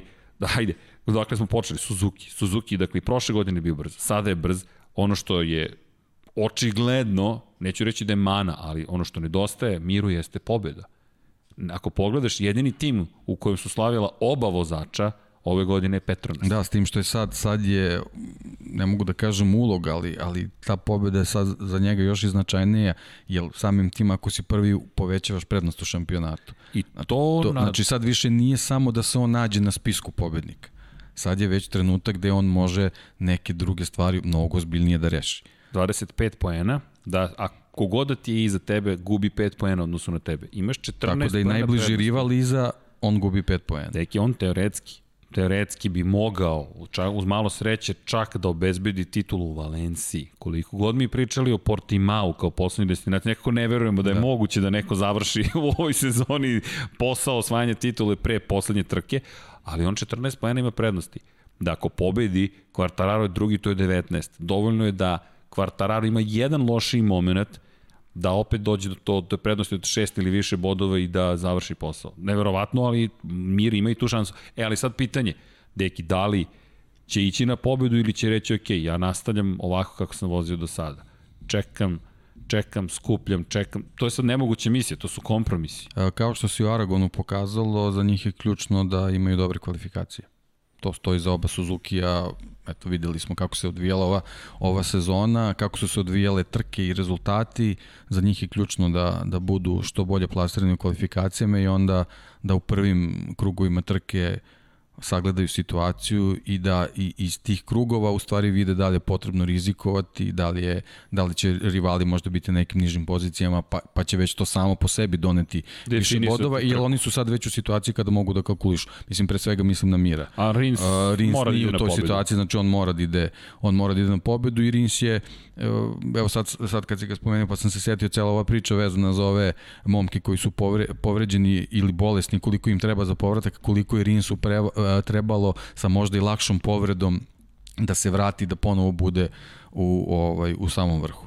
Dugo je, dugo, je to trajalo, dugo je trajalo. Znači on, on je sad, A. sad je top i, i od njega možemo da očekujemo da se bori sa, A povrede za pobedu. gotovo uobičajene za motociklizam. Dakle, od, ništa s čim se nisu susretali. Tako slomljena ključna kost da. je, nažalost, uobičajena povreda u motociklizmu i kao što si lepo rekao, mnogo je vremena bilo potrebno. 32 poena zaostaje, nije nedostižno u prethodne dve trke, 25 i 20 poena, pobjeda drugo da. mesto 45 i videli smo da je rešio da ne mora na sve ili ništa da ide. To je ona priča. Morbidelli ja ne verujem ni da bi pobedio Morbidelli. E, zanimljivo, Franco Morbidelli u, posle velike nagrade Teruela rekao da je imao seni moment. Inače ima brazilsko poreklo. Franco Morbidelli, to treba napomenuti. Postoji veza iz te perspektive sa Ayrtonom Senom, trostručnim šampionom sveta Formula 1, za one koji ne znaju, 1988. u kvalifikacijnom krugu na velikoj nagradi Monaka je rekao da je doživeo van telesno gotovo iskustvo, jedno iskustvo koje se sad tada desilo, gde je vozio u nekom svom univerzumu. Svom univerzumu kao da je sebe pratio sa strane kao da je sebe video kako vozi na toj stazi. Morbidelli je rekao da, da je on imao takav osjećaj u Teruelu, bio je manje dramatičan, Ayrton Senna je zaista bio čovjek koji je bio izuzetno emotivan. To ne znači da Franco Morbidelli nije, ali Franco više otišao na neku optimističniju stranu. Da, rekao I on da to ne pokazuje. Silno jednostavno je takav. Ovaj, da. Jednostavno njegova struktura Zatvoreniji. je takva. Zatvorenije, mada i njegove izjave pred ovu trku što se meni izuzetno dopada, on je rekao da će možda malo promeniti svoju filozofiju, te neke, uh, kako bih rekao, zatvorenije vožnje, uh, ovaj, uh, sa mnogo više koncentracije i pažnje u, u odnosu na, na, na sve ostale, da će, da će ovog, ovog, na ovoj trci jednostavno nema više šta da izgubi. On, on, on, on će na ovoj trci pokušati da uđe u, u, u najbližu borbu za titulu. Franko je osvojio titulu u Moto2 da. klasi. Dakle, zna kako, zna se, kako se to radi. Tako, tako je. Maverick Vinales je osvojio u Moto3 kategoriji. Andredović je osvojio 125 kubik. Joan Mir je osvojio u Moto3 kategoriji.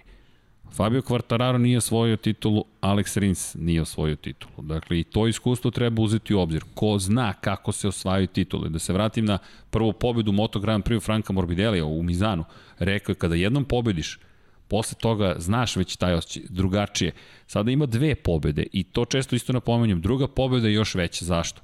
Kao rock album, izdaju album, izda ekipa album i album je super uspešan.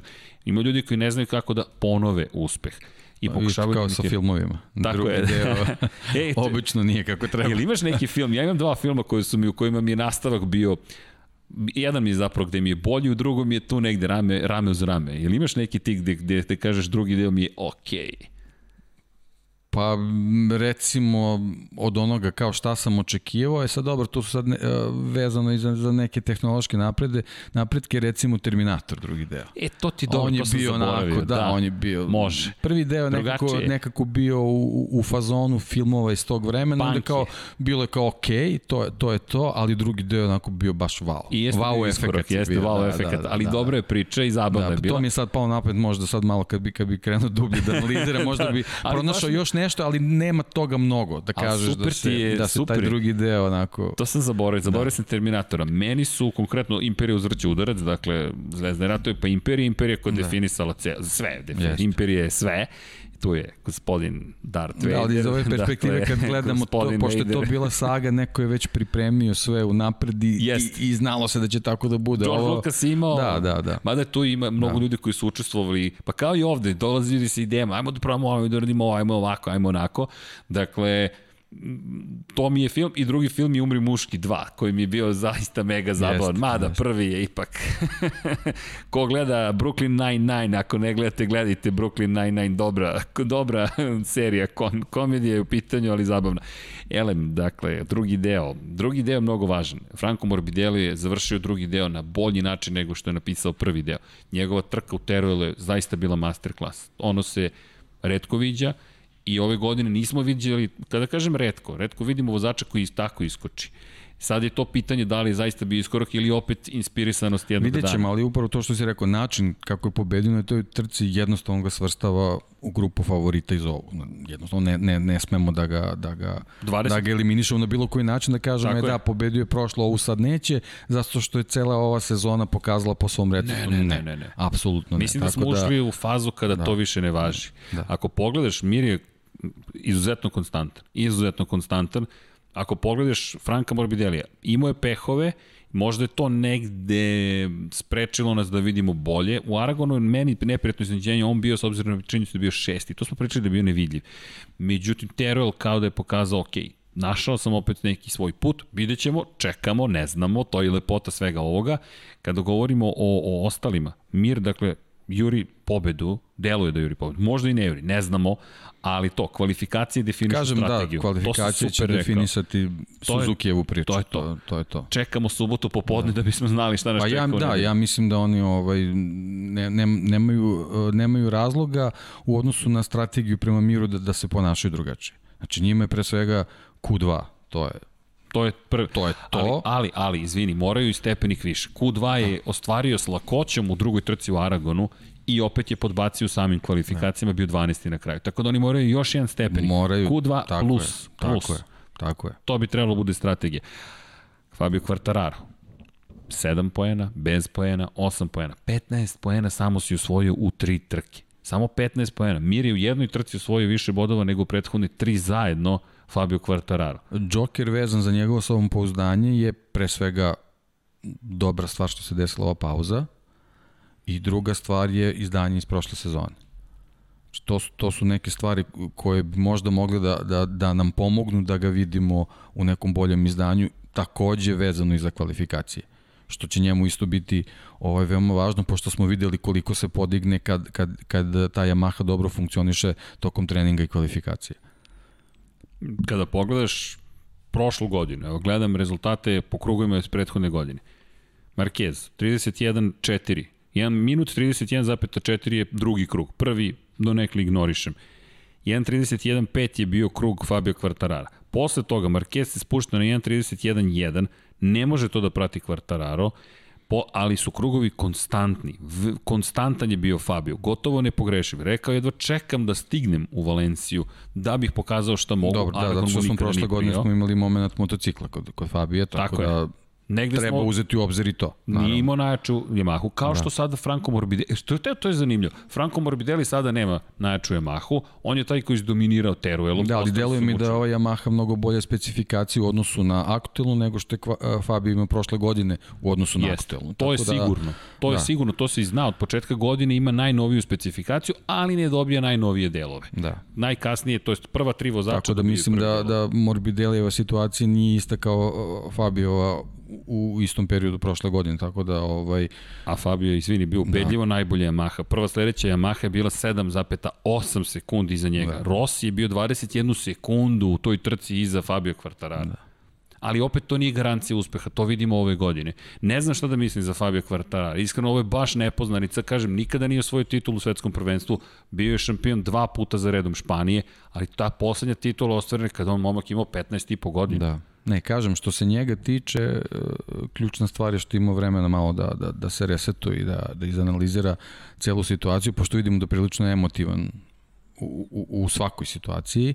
Ovo druga stvar je dobro, dobro izdanje prošle godine u Valenciji i generalno istorijat Yamahi u prethodnih nekoliko sezona vezanih za ovu stazu. Tako da sve to je na njegovoj strani, sad je, sad je bitno da se to unuči. Znači, sad, je, sad, je, sad je za njega ključno da, da, da se priključi momcima kao što su, uh, kao što su Mir, koji je ono, potpuno siguran, stabilan, kao što je Morbidelli, koji, koji stiže sa, sa jednom fantastičnom pobedom ovaj, u, u, u Valenciju. I Rins. I Rins koji je, koji je tu nekom naletu, da kažemo, da se, da se oporavio, da je u formi, uh, da je na podijumu, što je za njega jako važno, da je I, pobedio. Ima još dve nedelje da se odmori ruku. Tako je, tako je. I znači, ojača. Sve, sve, to, sve to taj neki napredak i na kraju krajeva imamo tu ovaj, i Dovicioza koji čovjek rekao da jednostavno morat će da bude mnogo agresivniji ako misli da nešto uradi u Valenciji. Znaš koga se izostavio?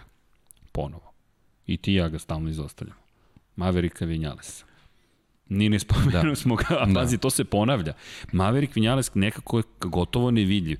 Ali znaš šta meni, mene što, što možda, možda njemu odgovara. Da, to sam htio ti kažem. da. 2013. Da. godine, on je Moto3 titul osvojio tako što cele godine izgledao nevidljivo, to je izgledao gotovo pomirljivo. I, i 2012. imao onaj veliki, možemo reći, incident u, u Maleziji, kada je njegov otac, kada ga je otac nagovorio zapravo, evo ga Maverick Vinales, hvala, Dakle, ovo je moment iz Mizana, to je jedan divan trenutak, dakle, svi su emotivni naravno, ali premalo ovih trenutaka bilo pa, ove godine. Ovo, ovo je baš, baš dobra ilustracija ovaj, koliko mu je potreban još jedan ovakav Mizan. Da, ovakav Mizano mu je potrebno. Baš pre ove trke mnogo loših situacija je bilo, naravno kulminacija je bilo ono, ono skakanje sa, sa motocikla u, na Red Bull ringu, ali jedna ovakva eksplozija dobrog Maverika Vinjalesa njemu u ovoj, u ovom trenutku takav bi vetro leđe da, da, da, da, da to, to stvarno ovaj, bi moglo da, da, da na kraju proizvede nešto što se zove šampionska titula čak. Ba evo, kad se vratimo u tu 2013. Dakle, vratit ću se, neću baš tri trke unazad, već dve trke unazad. Zašto? U poslednje dve je zapravo napravio ključne poteze. 300 poena imao u tom momentu Luis Salom. Ko ne zna ko je Luis Salom, Napravit ćemo priču o Luisu Salomu, nažalost, tragično smo ga izgubili 2016. godine. Klinac koji se borio za titulu šampiona sveta na jedan impresivan način te godine. Zaki A je vozio, 300 poena imao, dve trke pre kraja. 295 je imao Alex Rins. 278 je imao Maverick Vinales. To su 22 poena za ostatka u odnosu na prvoplasiranog i 17 poena u odnosu na Aleksa Rinsa na poziciji broj 2. Dođemo u Japan, stravičan peh se desi, Isak Vinjales sa trke izbaci Luisa Saloma, Alex Rins takođe ne završi tu trku, 20 pojena osvoji Maverick Vinjales i odjednom se situacija ozbiljno promeni. Dakle, dođemo u situaciju da su zapravo potpuno izjednačeni i u Valenciju stižemo u, u momentu kada deluje da će Luis Salom ipak osvojiti titulu, Luis Salom te godine je gotovo bio nepogrešiv, dakle razlika između njih trojice je 5 poena u toj poslednjoj trci sezone, 300, 298 i 295, šta se desi? Luis Salom je taj koji padne u trci. Prvi put te sezone na svoju grešku da padne. Inače, te je to jedna od najimpresivnijih godina. Pobeda drugo, treće mesto između njih trojice. Na poziciji broj 3 na kraju bude Rins, na poziciji 2 Jonas Folger, ali u trci, u poslednjoj krivini, ona 14. krivina koju smo malo prevideli, Maverick Vinales, koji je pre toga bio drugi, drugi, peti, drugi, drugi, četvrti, drugi, treći, treći, drugi, treći, treći i poslednje pobedu je ostvario na velikoj nagradi Francuske na početku sezone u poslednjoj krivini, poslednjeg kruga sezone napadne za pobedu Aleksa Rinsa i osvoji titul. To je ta Valencija. Hmm. To je ta Valencija i, i zbog toga ovaj, možemo da očekujemo nepredvidljivu trku i u Moto Grand Prix šampionatu upravo zbog, zbog ove količine vozača koje smo nabrali koji, koji ulaze u najuži krug favorita. Ba, vidi, nikoga da izbaciš da. iz ove cele priče. Svako nešto u svojoj prošlosti ima što je snaga. A pričali snaga. smo samo o konkurentima za titulu bez vozača, recimo, Taka na Kagami. Smo, samo smo kako je na njega, da, kako je na njega uticao Aragon. Znači, možda može da, da bude prelomni trenutak da dobijemo nekog novog takvog karakternijeg, a možemo da dobijemo nekog vozača koji će se izgubiti i utonuti. Šta nam donosi to tako velika je, nagrada Evrope? Ali, jedva čekam. ali velike su šanse da dobijemo jednog ozbiljnog agresivnog vozača koji može može uh, može da dođe do pobede, ali nije čak ni to ključno koliko će na taj način poremetiti odnos u poenima. Meni kada pričaš o Takaki Nakagamiju, dakle ta cela trka Ve, veoma emotivno. Sad mi nije, nije mi dobro što je čovjek pao. Dakle, nema navijanja, ali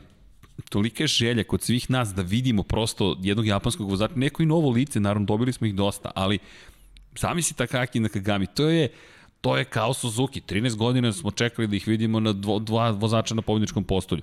Takaki Nakagami, opet ista priča. 2004. Makoto Tamada poslednji put bio na pol poziciji i pobedio. U Japanu se desilo, sticajem okolnosti baš u Motegiju, ali Takaki Nakagami, da, to je ta, ja mislim, ja ovo ne znam, dakle, ali, ili možda samo želim da verujem, da ćemo dobiti boljeg Takaki Nakagami. Ja se iskreno nadam.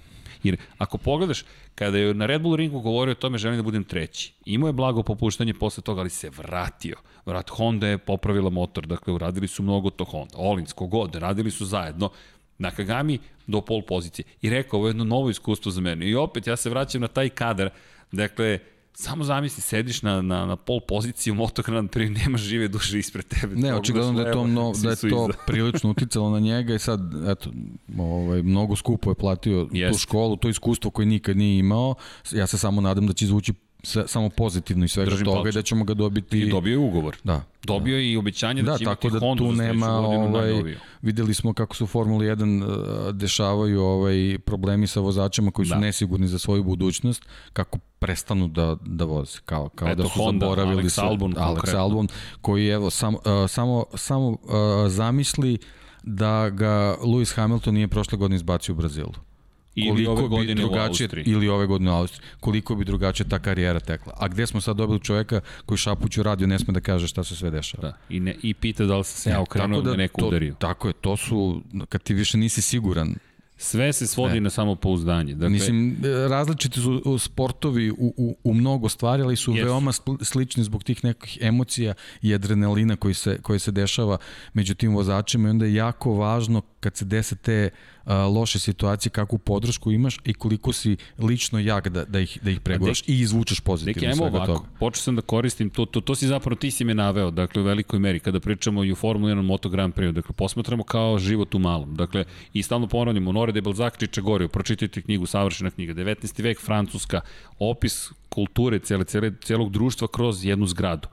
Zaista remek delo je u pitanju, klasik književ, književni i posmatram to iz sledeće perspektive zamisli ovako, mi imamo neke poslove. Ok, ti ja smo okrenuli nekim svojim stopama, sami pravili sebi poslove, ali zaposlili su u nekom preduzeću, bilo kojoj firmi. Svako, svakodnevnica je relativno slična. Pa čak i vozačima Formula 1, koliko god to glamurozno sve izgledalo. Zna se kad dolaziš na posao, kad odlaziš, kad, šta kada radiš.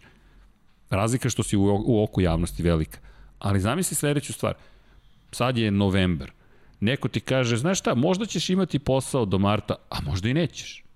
A možda i nećeš. A od čega zavisi? Pa zavisi od tebe svakako, ali sad koliko faktora utiče na to. I sad ti sad počinješ da razmišljaš, čekaj šta sada treba da učinim. Mi ne znamo ko je šta lično i da li ima probleme, nema problema. Alex Albon, on je klinac, iz moje perspektive, da, da, pri tvoje. Tom, pri tom mi ne pričamo o egzistencijalnim problemima. Znači, ne, pričaš o, nekim, osnovima. Tako, nekim problemima osnovima. koji su na mnogo višem nivou. Dakle, kada govorimo o višem... Ne, koji, koji definišu osobu. Tako je, mi ne sažaljevamo njegovo... Često se svodi, nažalost, sveli smo se na neka finansijska da, stanja. Da, upravo to. Često da, da, da, to, da shvate ljudi da sjajno. nismo, Hvala nismo na tom nivou, ne, ne, ne pričamo o tome. On će preživeti, da. ne brinemo da, za da, njega. Da. Ali većina ljudi će nekako preživeti, znači će se, nešto će živeti. Ne svodi se to samo, a ima puno para, baš nas briga, on ima dobra kola, deset se Ne, ne, za mene je to ljudski moment. Dakle, razmišljamo o snovima. Koji ti je san bio kad si bio klinac, kad si bila klinka? Si htela da budeš balerina? Mislim, to je nešto, e da to je bio čuveni sada i oglas, dakle, da iskoristim priliku gde balerina sedi i komentar je uskoro će shvatiti da treba da uči o programiranju. Zašto? Šta? Predviđate da neće uspeti u umetnostima? Ne, ljudi, bavite se umetnostima. Nemojte, molim, da uđemo taj banalni svet uh, hiperrealizma gde i da li je to praktično? Pa ništa nije praktično ako tako gledamo. Apsolutno ništa nije. Planeta će da nestane za 4 milijarde godina i pff, ništa ne va. E, tu se ne slažemo. Sve je važno. Dakle, energija koju generišemo ovde, priče koje pričamo, bavite se umetnošću. Da li je poštovali ili nije? Pa na nama je svima zajedno da kažemo to treba da se poštuje. Kao društvu, kao ljudima devojčica ili dečak, hoće bude baleta, budi baletan, uspi u svojim snovima. Ovaj čovjek je hteo da bude vozač Formule 1, to je njegov san. Možda sad i nikad više. I neko ti kaže, da, možda ćeš biti tu i nećeš. I da se vratimo na ono što si rekao. Lewis Hamilton ga je izbacio sa staze praktično u borbi za treće mesto. Isto se desilo i u Austriji. Zamisli da je Alex Albon tada prošao Da, na i primjer, pobedio Bottas. neki svoj san kao želim da osvojim veliku nagradu. Samo I, jednom. I tu makar. si, i tu, Tu si, si. Pola, pola bolida si već ispred, Ispred. do I- svog sna. I kako, da. kakav trenutak. I I sad taj, taj, to sve tumbanje šta se izdešavalo i onda dolazi situacija gde, gde ti na kraju ne znaš da li si se ti okrenuo, da li te je. neko udario. pet meseci kasnije. To, to su, I to su neke stvari e, gde smo tako videli sa, sa kacigom između ruku. To, je, to je bio taj Da. da. prelomni trenutak kako i on preživio taj trenutak. To ćemo sad videti. E, to je kako to. on izanalizirao taj I trenutak. sada treba gledati njega, treba gledati kompletnu Hondu, HRC koji treba da ga podrži, treba gledati Lučija Čekinela kao njegovog šefa, kako će stati uz njega, jer stali su sad, to je to, ajmo, komitovani smo. To mene kod Masima Rivola oduševljava. Ne da li je Andreja Janone kriv ili nije kriv, već da li, a i to je zanimljivo, ko tu stiže u Apriliju, dakle, to isto priča za sebe, dakle, prvi test za Lorenza Savadorija, dakle, rekao si malo pre Aprilije kad smo pričali o Lorencu, da ima drugoročni plan. To je meni ta poruka. Mi podržat ćemo te čak i kada posrneš. Red Bull je mnogo surovija, surovije okruženje. Njihovo je, ne kažem ni da je Tako je. dobro ni da je loše. Meni više prija, prija ovo, Da, gde da pruža mislim, Helmut podršku. Marko je pokazao da nekim situacijama brutalan, mislim, ali to je jednostavno, Surov. to je njihov, njihov uh, vid poslovanja Modus svako ko operandi. se nađe u takvom okruženju jednostavno mora da, da, da shvati Unapred da znaš šta ga Tako čeka. je, da, zna, da znaš šta, šta te čeka i da jednostavno moraš da se formiraš za takve situacije.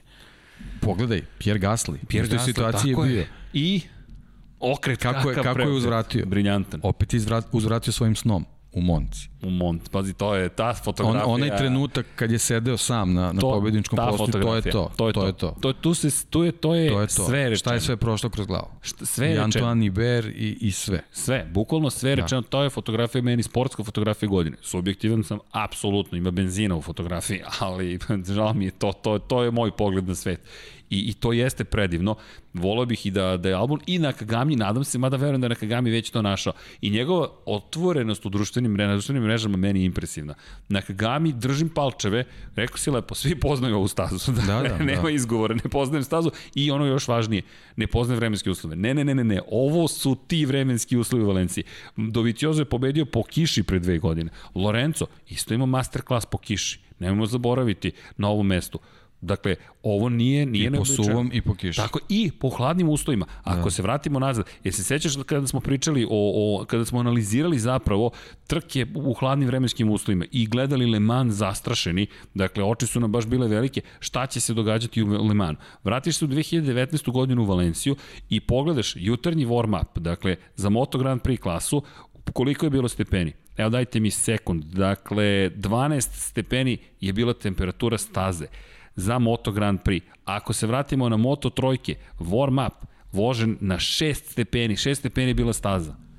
Bilo je hladno. Inače, pozvao sam neki goste i potencijalne sponzore. Rekao im, obavezno u Valenciju biće super provod, toplo vreme, zabava, pomoranđe, more u blizini, dođeš i ljudi, duva veter, ovako skočanili se. Rekao je, hvala ti, ali mi ćemo ipak u restoran. Trke su super, ali ne bismo mi te, tebe više uzdemiravali. Nama se kabina tresla na vetru. Dakle, kabina, ne možeš da otvoriš vrata. Zaboravili smo uticaj vetra, a to će Da, isto i to je, biti da, ovo, što si rekao, ako prognoza kaže da će u nedelju biti sunčano, ne znači da neće biti Toplo. vetrovito. tako da mno, mnogo je faktora vezanih za samu stazu, tako da ovaj, I da dodamo, izvini, još jedan kada je reč o tome, možemo da pogledamo Mišelinovu onu grafiku, to je važna grafika, da ne, da, da ne izostavimo. Kada je reč o, i o Brembu, onaj kadar broj 2, dakle, to smo nekako preskočili. Ovo, ajmo prvo da pogledamo gume. Gume asimetrične će biti, da, sve, sve tri ovaj, opcije, dakle... Sve tri opcije Ne, ne, ne, onaj kadar nek ostane. Johnny nam je nova ekipa, ali opušteno momce, ovde smo u studiju na kraju univerzuma, dakle, ovde se podržavamo međusobno.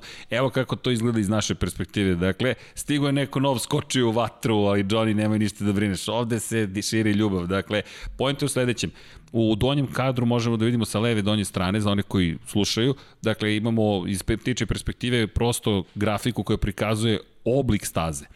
14 krivina, to smo već rekli. Međutim, ono što je bitnije jeste opterećenje guma sa leve, po sredini i sa desne strane. Ovo je staza koja sve testira. Leva strana pneumatika veoma će biti opterećena. Po sredini opterećena guma. Po, sa desne strane opterećena guma, pri čemu je mnogo veće opterećenje u 13. krivini, to je dugačkoj krivini, koja je inače savršena zaista za fotografisanje, to se ne vidi lepo dok ne odeš tamo. Tu je rezervoar jedan u sredini i spuštaju se niz krivinu broj 13. Da, gore se vidi, na sličice vidi se voda. E, vidi se voda. Da, da. To je bukvalno za, nado, inače to je rezervoar za navodnjavanje. To fantazije, skuplju, to je kišnica. Bukvalno je staza iskorišćena za kišnicu, sjajni Ali dopunjava scenografija, lepo izgleda. Tako je, da. sve su uradili kako treba i to je nekako kao kotlina. Uključujući tribine. Da, tribine koje da, okružuju da zaboravimo to, da, da, da. Kako to dobro izgleda. I Asen, dalje. Asen i Valencija, to je to. Da, to su hramovi motociklizma. Mora da se ode. Ne, da. I Jerez zbog da. ne, ne, ne, da. ne, ne, ajmo ovako. Ne, pričamo, Super pričamo o konfiguraciji, o, o konfiguraciji tribina, samo zbog toga. Da, da, da, da. Ali ajmo, prva, prva staza koja mora se postiti, Mugello. Ljudi, to je zaista Super Bowl. Kada kažu Super Bowl, to je odete i kažete, ovo nije trka, ovo je sportski događaj. Ne, ne, ovo nije sportski događaj, ovo je D događaj, ovo je događaj. To morate, morate da doživite, to je doživljaj, ništa drugo. Dakle, to je cijelo iskustvo i onda naravno ostale staze, ali da, Asen je, uh, zaista Asen, je vaše... Asen i Valencija izgledaju kao hale neke. Tako je, dakle, sediš samo krov, vidiš. Samo, samo krov nedostaje, da. Po da, posebno još i Valencija zbog jako, ma, na jako malom prostoru, 4 km samo, da, da, da. Inače nazvana po jednom divnom sjajnom šampionu Ricardo Tormu, to je isto čudna jedna tragična priča, to ti, ali pričat ćemo o tome da kad dođe među sezona, ali nazvana po Ricardo Tormo. Elem, on je kadar nam je otkrio koliko mora da se vodi računa u gumama, asimetrične su, dakle sa desne strane su mekše, s obzirom na činjenicu da imamo mnogo malo krivine u desno, i da se setimo Barcelone, da se setimo i Aragona, koliko padova smo imali u tim promenama smera, smerova kretanja. Trebalo bi da ih bude manje jer poznaju Valenciju u ovom periodu, ali, ali ta, ta hladnoća će biti ovaj, ovaj glavni, glavni problem. Jednostavno, da. videli smo ako, ako Iole se ne zagre dovoljno ta strana kad se položi motocikl. To je to i zato je ta 12. 12. krivina, ovaj, mislim da će biti jako važna, dramatična, zato što su i u Brembu izdvojili, a ona je jedina u desno. Je da, jedina u desno da, koju izdvojili. Da, e, tu nam treba ovaj, tu je jedina, jedina, jedina, da kažemo, olakšavajuća okolnost da tu krivinu što je prethodna desna. Pa eto, možda će ta guma, pošto će sa te strane biti malo mekša, možda će biti, to, imati neku... ovaj, izlaziš, da, da, ima, imaće neku adekvatnu temperaturu, ali ništa ne mora da znači. Tako u da- šestoj da, da se dosta grešilo, da. u petoj se grešilo, ali nema gde se nije ovde grešilo. Znaš, pa da, koja, mislim... znaš koja je najproblematičnije? Izvini. Na, to ti potpisujem iz iskustva, broj 4. Veruj mi, četvorka, čak mislim da četvorka ima kontra nagib ovako po sećanju i to je problematična krivina zašto? Izlaziš, pr, dakle, od 14. u levo, prva u levo, druga u levo, treća u levo, dođeš do četvrte i to je kontra nagib, na nizbrdici si guma je hladna, a ti silno želiš da nadokniš vreme i to je... E, i to, to je sad možda neki, neki dobar, dobar uvod u ovo što si rekao, ako imamo tri sektora na stazi, ovaj, da kažem najlepši za nas biće, sad ne možem da kažem najlepši, pošto ima samo tri, ali prvi i poslednji su, su vizuelno super, ali mislim da će srednji biti ključan za, za, za vreme. Za vreme. za vreme. Njima neće baš biti super. I sad, da. ko, ko će se tu provesti? Da, e, da. Ko tako će se da, tu provesti? To je, ali, ali to će isto mnogo zavisiti od vremenskih uslova, tako da ovaj, ima mnogo, mnogo faktora. A pazi, spomenuli smo samo Takakija Nakagamija. Dakle, mi smo sada pričali o kome? Pričali smo o Miru, pričali smo o Kvartararu, Vinjalesa smo se dotakli, dotakli smo se Franka Morbidelija, Andreja Deovicioza, Aleksa Rinsa, Ubacili smo Aleksa Markeza, spomenuli smo Takaki Nakagamija, Šta ćemo sa KTM-ovima? A šta ćemo sa Jackom Millerom? Šta ćemo to mi, on je sledeći? Smo, ako smo već tu, pošto ajde kao da idemo i, i po motociklima koje smo I ovaj, spomenuli. I po da je bio na pobedničkom postolju prošle godine. Tako je, tako je. Znači i on je, on je čovek koga treba ovaj, ubaciti u čitavu da priču, da posebno što je on u, neku, u nekom, nekoj seriji loših rezultata koje, koji i ne odslikavaju možda njegovu formu. Jednostavno, to su neki nesrećni spletovi okolnosti sa, sa folijom. Ovaj, Folija u Mizanu. U Mizanu, udarac u Aragonu, u Binderu, da, da ne ulazimo dalje. Znači, eto samo ta dva. Onda u imali smo kvar, isto. kvar u Le Manu. U Francuskoj isto. Ti imaš tri incidenta u poslednjih šest trka. Da. Tri incidenta. Od čega dva odlaziš u garažu, znači čak nije, nije se desio ni pad neki na nego jednostavno... A, ima, a ima si šansu da se boriš za titul šampiona sveta. Da, da, da, i to pritom da. se ugasio, viša sila ga gaši. Viša, to je bukvalno ne, više sile, tebi folija sa, sa kacinje, ne. dakle neko je skinuo Tako foliju da, i bacio iza sebe. Ako eto postoji kao ta, ta neka kvota nekih loših situacija u sezoni. Ja se iskreno nadam da je, da je Jack Miller potrošio jednostavno potrošio je za... sve žetone i sad je vreme za, za, za neku, neku drugu priču. Pa, e, I sad možemo da pređemo. Ajmo sad KTM. KTM. Pazi, ovaj... izvini, prošle godine, e, pretprošle godine, po kiši, prvo pobedničko postolje u istoriji KTM-a Pole Spargaro na ovom mestu. Eto.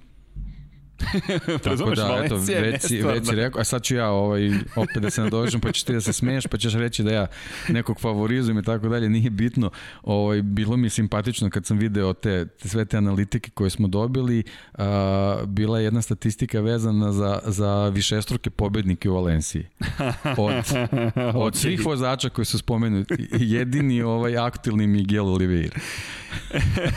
tako da, eto, nadovezujemo se na KTM i na priču o, o tome ko bi mogao da, da, da pokvari te računice i kalkulacije uh, vozačima koji su u konkurenciji za titul. Vidi, dosledan si. Da.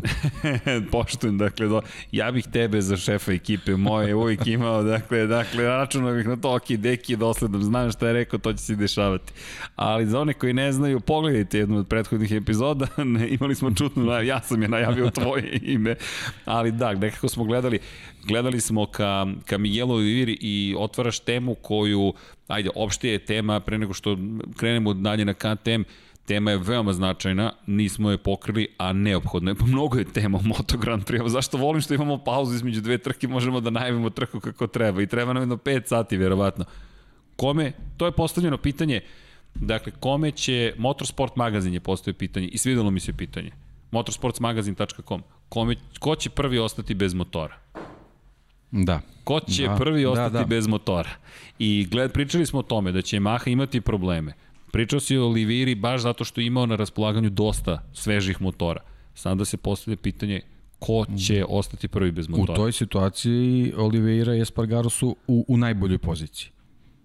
Znači, dva KTM-a praktično imamo tu. Ovaj, e sad što se tiče od ovih ostalih, Honda je u dobroj situaciji, vezana za Markeza, čini mi se. Jeste. E sad, sa Ducatijima je problem, ali dobro, oni očigledno grubo zvuče, ali jednostavno nisu konkurenti baš da se nađu u samom vrhu po, po tom nekom ovaj pitanju. Znači, glavni je, glavno pitanje je vezano za Yamaha. Evo, baš gledamo, dakle, motori ko je, ko je, od ko je otvorio, dakle, čekam najnoviji Excel da nam stigne, dakle, da dobijemo potpunu informaciju Nadam se da ćemo ga danas dobiti. Dakle, nažalost, nemam potpunu informaciju. Pogledat ću još jednom da nije stigao umeđu vremenu dok bude trajala emisija, ali da podsjetimo, Yamaha imala ozbiljne probleme kada je reč o brojima motora baš imala ozbiljan problem i Yamaha je prva ta koja je morala da, da poradi na tome da zaštiti svoje motore. Nije, to, nije, nije ju to koštalo brzine. Dakle, kada pogledamo ko, je, ko uglavnom pobeđuje Yamaha, uglavnom pobeđuje. Ali Petronas to, to da. To, to je to ta neka problem, zadrška da. koju moramo da, ovaj, posebno u odnosu da budemo, da budemo fair u toj priči prema Mavericku Vinjalesu. Dakle, ovo je od pre 10 dana poslednje što smo dobili, dakle, kada govorimo o motorima, i kada govorimo o tome koji su, Andrea Dovicioza, na primjer, konkretno je prestao da koristi neke, ali to je koristi sve motore koji smo, pet motora po raspolaganju u fabričkim vozačima, sve ih je upotrebljavao. Dakle, trenutno je Andrea Dovicioza na motoru broj 4 i 5 i od zapravo Aragona treninga broj 2 nije koristio treći motor. Prvi, drugi, treći četvrti su bili u upotrebi u prvim tim vikendima, sada je na motorima 4 i 5. Dakle, mora malo vremena da se izdvoji.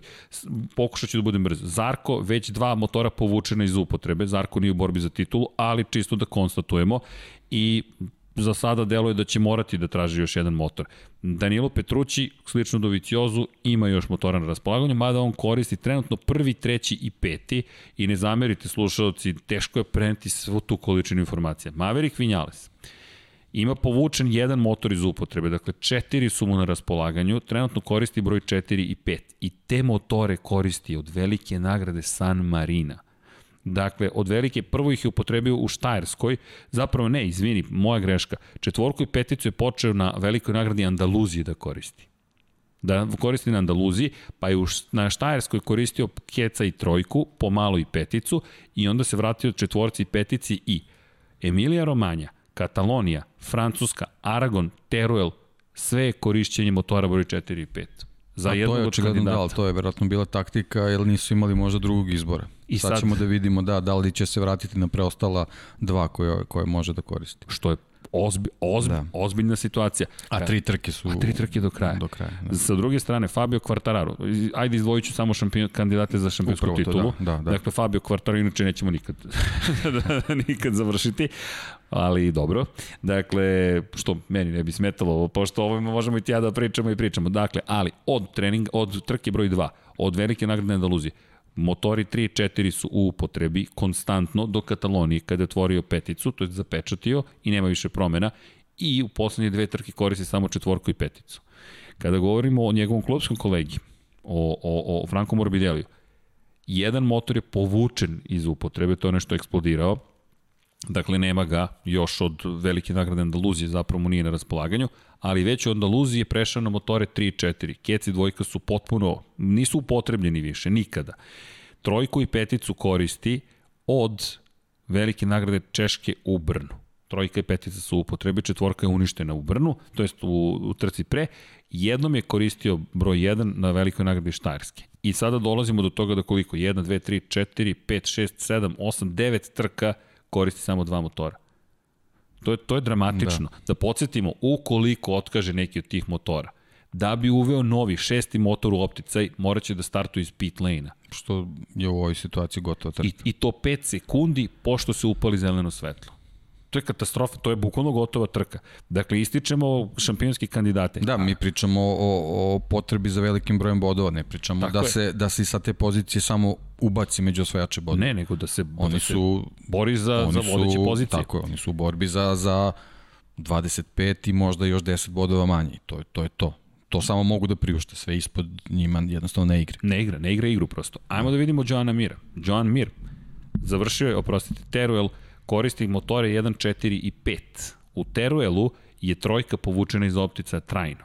Dakle, na raspolaganju su mu tri motora trenutno, ima blagu prednost u odnosu na Yamahe. Međutim, ono što je zanimljivo, i oni manje više, od velike nagrade Miliro manje, koriste tri motora.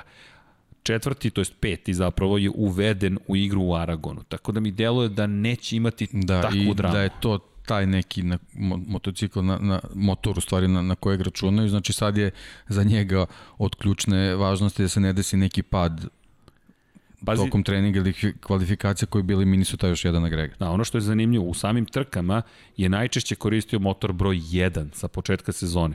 Čak je i trku završio u Teruel s motorom broj 1, trku u Francuskoj završio s motorom broj 1, trku u Štajerskoj takođe kao i prvu trku sezone. Dakle, Suzuki je dobru strategiju napravio raspodele motora, imao i mogućnost to da učini. Kada govorimo o njegovom klubskom kolegi Aleksu Rinsu, takođe jedan motor povučen iz opticaja, isto 1, 4, 5 su mu upotrebi i deluje zdravije, mada je mnogo duže bez jednog motora. Tako da najgore, opcije, najgore pozicije su trenutno za Vinjalesa i Morbidelija, pa dolazi onda na red zapravo Suzuki, pa Quartararo i ostaje nam Andrea Doviciozo, da ne zaboravim Doviciozo, koga smo spomenuli u početku, koji nema ni jedan povučen iz optice, ali trenutno koristi četvorku i peticu redovno. I deluje mi da, da zapravo kada sada pogledamo ovo da je u mnogo zdravijoj poziciji nego ostali. Sada pričamo naravno o šampionskim kandidatima. Na primjer, Alex Marquez konkretno nije ni zapečatio motor broj da, 5. Da, da, dakle, da. cijel jedan motor je na raspolaganju, iako je jedan povučen iz upotrebe. Pritom, ako se dobro sećam, to je, to je situacija od pre recimo tri trke. Znači, on praktično nije ništa što se tiče ovaj, te situacije promenio. On od Katalonije da, koristi trojku četvorku. Mi se, da, da, da. da. O da, od Katalonije da. trojka četvorka, četiri trke za redom na trojci i četvorci. I dolazimo do... Znaš ko, ko je tu sada ironija? A Valentino Rossi. Pazi Valentino Rossi, iako nije vozio, Rossi je od Aragona zapravo bez dva motora. Dakle, on je u Aragon dolazio i na, u opticu je mogao da ima maksimalno tri, pri čemu nemojmo zaboraviti, motor jedan mu je eksplodirao, u na drugoj trci sezone, motor broj 2 više nikada nije ni upotrebljen. I svelo se na trojku, četvorku i peticu, četvorka je od Aragona povučena iz optice i ostaje mu samo trojka i petica.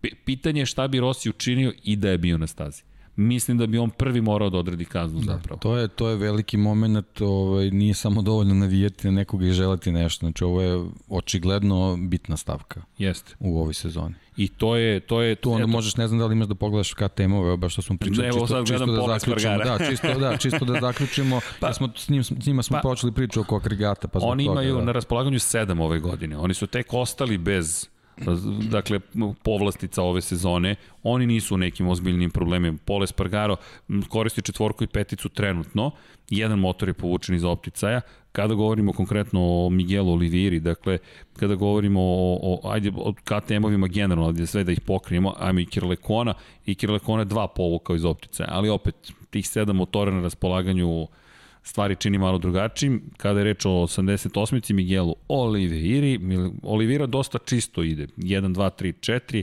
5 i ima još dva motora na raspolaganju.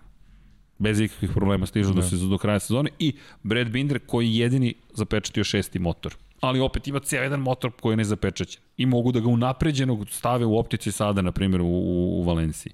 Da, tu još možda mu bude zanimljiv na Kagami, recimo, da vidimo kakva je njegova na Kagami, situacija, Takaki, čisto zbog tog mešanja u, u, u vrh šampionata. Povučen jedan motor iz da, optice. Da. Povučen jedan motor, ali, ali, ali peticu je počeo da koristi tek u Teruelu.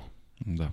Tako da deluje da pa, oni dobro, mogu da iskombinaju. Iz ovoga ovako čisto, da kažem, na, na brzinu analiza manje više su slične situaciji svi to. Mislim, nijanse su, su neke koje možda mogu da odlučuju. Ovo što si rekao, recimo vezano za Dovicioza, možda će mu dati za pravo na njegove izjave da kaže da možda može malo agresivnije da uđe, da uđe u ove trke. Pa Morbidelli meni Eto, i da. Vinjales deluju kada su u najvećem problemu. Da. Da je to zapravo za njih da je najveći problem, jer ta Maha, pazi, to su motori koji oni koriste od velike nagrade na Daluziji.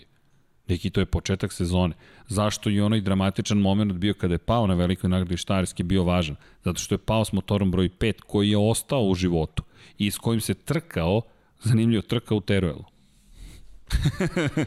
da, a kako je ono izgledalo? kako je ono izgledalo? Ja ne da. ostajem na ovom motoru. A pazi koji smo mi sad sve faktore ubacili. Mi pričamo o o samim vozačima, o njihovoj ja, psihologiji. Završnice sezone, jednostavno mnogo, mnogo tu nekih tehničkih elemenata dolazi ovaj, do izražaja sa kojima mi čak nismo ni upoznati toliko. Tako da, Ovo ovaj, je ono što nije, znamo. da, nije samo ono, ne, ne treba te situacije uzeti samo zdravo za gotovo, videti, videti vozača na stazi i njegovo vreme i samo na osnovu toga analizirati ne. celu priču. Ne. I, I zbog toga je da se vratimo na celu ovu sezonu koliko je važno da, da prisustujemo trkama da bismo mogli da imamo uvid u sve Tako elemente. Tako Jer je. ovo je samo nešto što, što mi dobijemo servirano ja kao neke ne selektivne dobijemo. tako, kao neke selektivne informacije, sad mi zaključujemo na osnovu nekih par brojeva koje dobijemo, to je stvarno jako teško, mislim, to da, je. Tu se oslonješ telefoni da. i poruke, ko šta da, može da ti da. kaže, sme da ti kaže, želi da ti kaže, jer koliko god da želimo da podelimo, takođe želimo i da zadržimo informaciju za sebe da. kao tim, ali, ali činjenice, pazi, motori, vozači, ljudi, ugovori, budućnost, pregovori, ko će gde? Andrea Doviciozo. Gde će Andrea Doviciozo? Je li potpisao za Apriliju? Nije. Je li to činjenica ako nema Lorenca sada u Yamahi? Lorenca koji je doneo sve pobede skoro Yamahi u poslednje vreme u Valenciji. Dakle, kada pogledaš neverovatan istorijat, poslednja Yamaha koja nije Jorge Lorenzo, da je slavila na ovom mestu, i znaš ko, možeš da pretpostaviš naravno, ali šta misliš, koje godine? Pazi, Ne smem napomen da pričam. Poslednja je koja nije Jorge Lorenzo povedao na ovom mestu, jeste Valentino Rossi. Ali kada je Makoto Tamada pobedio u Japanu 2004. E, tada je Valentino Rossi pobedio u Valenciji. Ljudi, od 2004. Yamaha ovde nije pobedila, a da, a da nije bilo u rukama Jorge Lorenza. Sve ostalo su samo pobede Jorge Lorenza. Neverovatno. Zato kažem, da ne znamo da li je to faktor Lorenzo ili je faktor Yamaha kao takva, da bismo mogli da uključimo Quartarara, Vinjalesa i Morbidelli u neku priču da će sigurno biti u samom vrhu. Ne znamo. Ej, ali znaš šta moram da kažem? Ljudi često spomenju, spomenite Gerija Mekoja, kralja, king of the slides, da. dakle on bi ovako sede u studiju, verovatno ne bi mogao da, da se smiri. Da. Ali Geri Mekoj je pobedio, Regis Laconi su pobedili u 500 kubika na mesto Geri Mekoj, to čuvena pobeda. To, to stvarno treba gledati, te trke, da. to... I Laconi, poslednji Francuz pre Quartarara Quartarara. Pre Quartarara, tako da, je. Da, da. u Valenciji, To je čisto... baš, baš onako ovaj, dostignuće ozbiljno. Jeste znači, za Fabija i, i to je neki pritisak koji ove sezone ovaj, je vremenom dobio kad je Francuska malo više počela Jeste. da ga prati i da ga obožava. A onda ti se pojavio i Zarko pride, a i Gasli tamo u Formuli da. 1, Renault se oporavlja, stižu Francuzi na sve strane. Ne, to, to, eto ti još jedan faktor, pa faktor guma, pa faktor vremena, pa faktor toga da voziš dve trke za redom ponovo. Opet ćemo videti ko će se tu bolje snaći, to ne treba zaboraviti. Opet u Valenciji. I rekli smo, Teruel je bio mnogo brži od Aragona.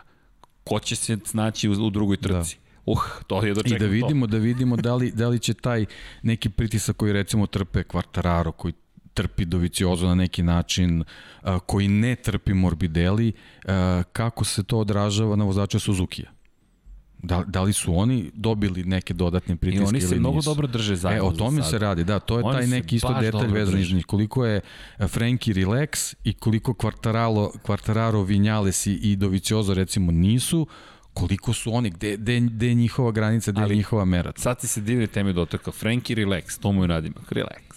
Samo opušteno, On je polako. tako i tako i pokazao, mislim, Jeste. kažem, meni, ta njegova prošla pobjeda koja je stvarno bila fantastična mi je delovao da on kao sa pola snage da to uradio, ali znamo da nije, mislim, jednostavno ne postoji, eto, ne postoji način da se, to, da se to tako, ali on je jednostavno tako izgledao, znaš, skineš kacigu, namestiš frizuricu, mahneš, Ja, ka, kao da nisi, kao da nisi po pobedio kosu, u da. Moto Grand Prix. I, I dodaj na sve to taj Senin moment koji je Da, rekao posle da. trke. Znaš, sen, imaš Senin moment. To Da, je ne, vidjet, vidjet ćemo ovaj, on ako dobije brazilsku publiku iza sebe, to će Imamo mi trku onda u Brazilu, nemojmo to će zaboraviti. Biti, da, da, to će biti, to će biti ovaj, super. veliki, veliki korak za, za Moto Grand Prix generalno zbog te, te popularnosti. čekaj, Jel da li- dobija Francusku, U. dobija Brazil, U, sad, sad to šta si mi... će... Pazi, pazi sad ovo. Pazi sad ovo. Ajde. On je Pucaj. italijan. Čekaj, čekaj. Da. Sad ti imaš italijana i istovremeno brazilca. Dakle, stanu Italija i Brazil uz tebe. Pa, Pa Šta kao, želiš kao više seća se Rubens Barrichello u Formuli Pa, 1. da, Znači, kao ti si, ti si Brazilac, italijanskim U- u- korenima, voziš u Ferrariju, bum. bum. I A Bokum baš, je, je- baš je je bio obožavan. je I dan da, danas da, je da. obožavan. Da. Ali, ali, znaš šta sam... Posebno što, što je i njegova harizma bila takva da on bude, a Frenkie deluje, on je onako, možda deluje nekome da je onako odbojan, ali on je, on je jako On je smiren i cool tip, momak, jednostavno, da. Da odeš na koncert da, i kažeš, ok, Ko njega, ko njega vremenom ovaj, ovaj, provali i, i ovaj, stane iza njega, shvati u stvari koliko je, koliko je prijatan i privlačan dečko. Tako ali- da, ovaj, A, ali izvini, znaš koju temu si mi otvorio? Pogledaj njihove nadimke. El Diablo, gori, gori El Diablo. Maverick je Maverick, dakle Da, on leti sve- sve on je, sve jasno. baš je Tom Cruise. Ili Da. će biti potpun crash and burn, dakle pad je potpun, ili će biti savršen uspeh, ni nema između. Onda imaš va, ne, Fabio Joana Mira, koji je nekako najmanje definisan u toj priči gde je. Da li je vatra, da li je led, da li je izmešano generalno sve. i on i Rin su nekako taj, taj neki miks. Dobro, Rins je pekar. Da. On Dobro, kaže jeste, baker, da, on da. je pekar čovjek, Da, sad, on meše kako god to, ovaj, da. Tako je sebe nazvao. Vruće je u svakom slučaju. ovaj, sad. sad, je proizvod dovoljno Da, da, skuvan da, ili da. nije. I Da. imaš Dovicioza koji je undaunted. Da. Dakle, Da. ne, nema zastrašivanja kod Dovicioza, ali nije se ni pomerio. On nezaposleni mu svakako ostaje za sada. Ali nadam se da će se to promeniti. Zamisli njega u, u probnoj ekipi Yamahi. Nemojmo zaboraviti, on je na Tech Imamo 3. Janone. Či- I Janone, da, Janone. E, Znaš si ponovo Janone i Dovicioza, da. da Jurano bude oslobođen, na primjer, od svih optužbi. Ja to ne, ne znam, ne mogu...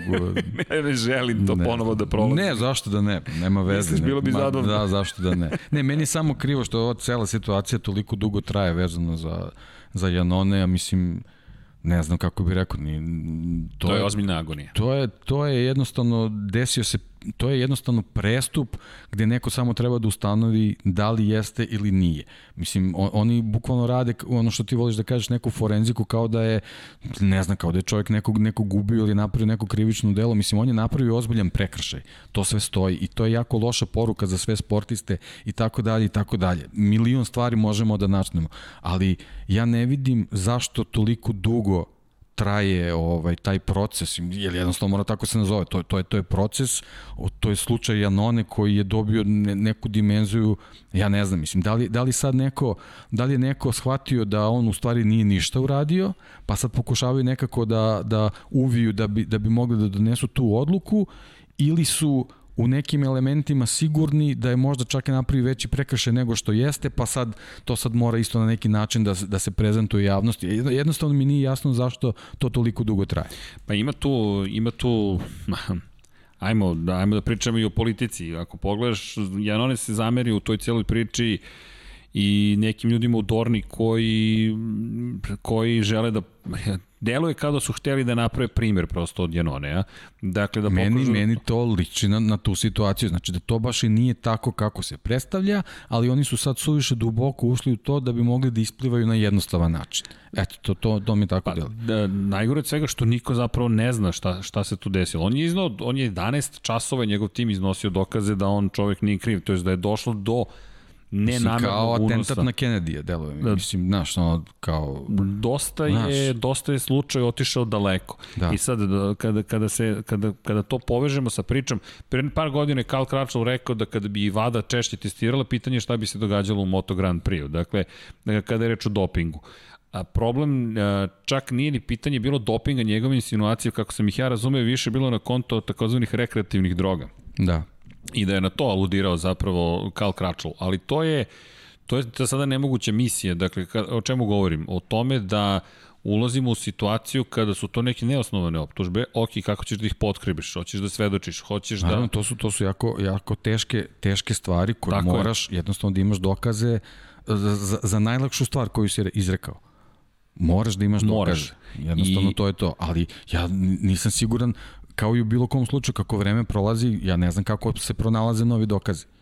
Pa sad... Jel, jel ovde nije dovoljno svedočenje? Znači, I- ovde su stvari koje moraju materijalno da se dokažu A da bi neko uzorak, utvrdio. B uzorak su bili, ok, postoji drostanolon, postoji olakšavajuća okolnost, da je drostanolon on zapravo uneo u telo kroz zaraženo meso, da nije bio svestan šta unosi. To su olakšavajuće okolnosti. Dakle, cela, cela april je stala iza njega u kontekstu toga da prezentuje svoje dokaze. Ne zaboravimo, zakon kaže, kri, nedužan dok se ne dokaže suprotno. Dakle, nije, on je kriv, dokaži da nisi kriv. Ne, ne, ne, ne, ne dokažite vi da ja jesam Tako je, kriv. upravo ja, to. moje, da do, moje je zapravo da branim svoje ime. E sad, oni su došli do toga da je zapravo kontaminirano to bilo meso. Dakle, da to nije sistematsko dopingovanje. I na tome i, i, i zapravo leži ceo slučaj. E sad, Svetska antidoping agencija VADA se uključila koja zahteva da ne bude kazna 18, pe- 18 meseci. Kako ide vreme, on će za 6 meseci već da odradi prvu kaznu. Ali je stvar u tome što VADA sada insistira na četvorogodišnjoj kazni.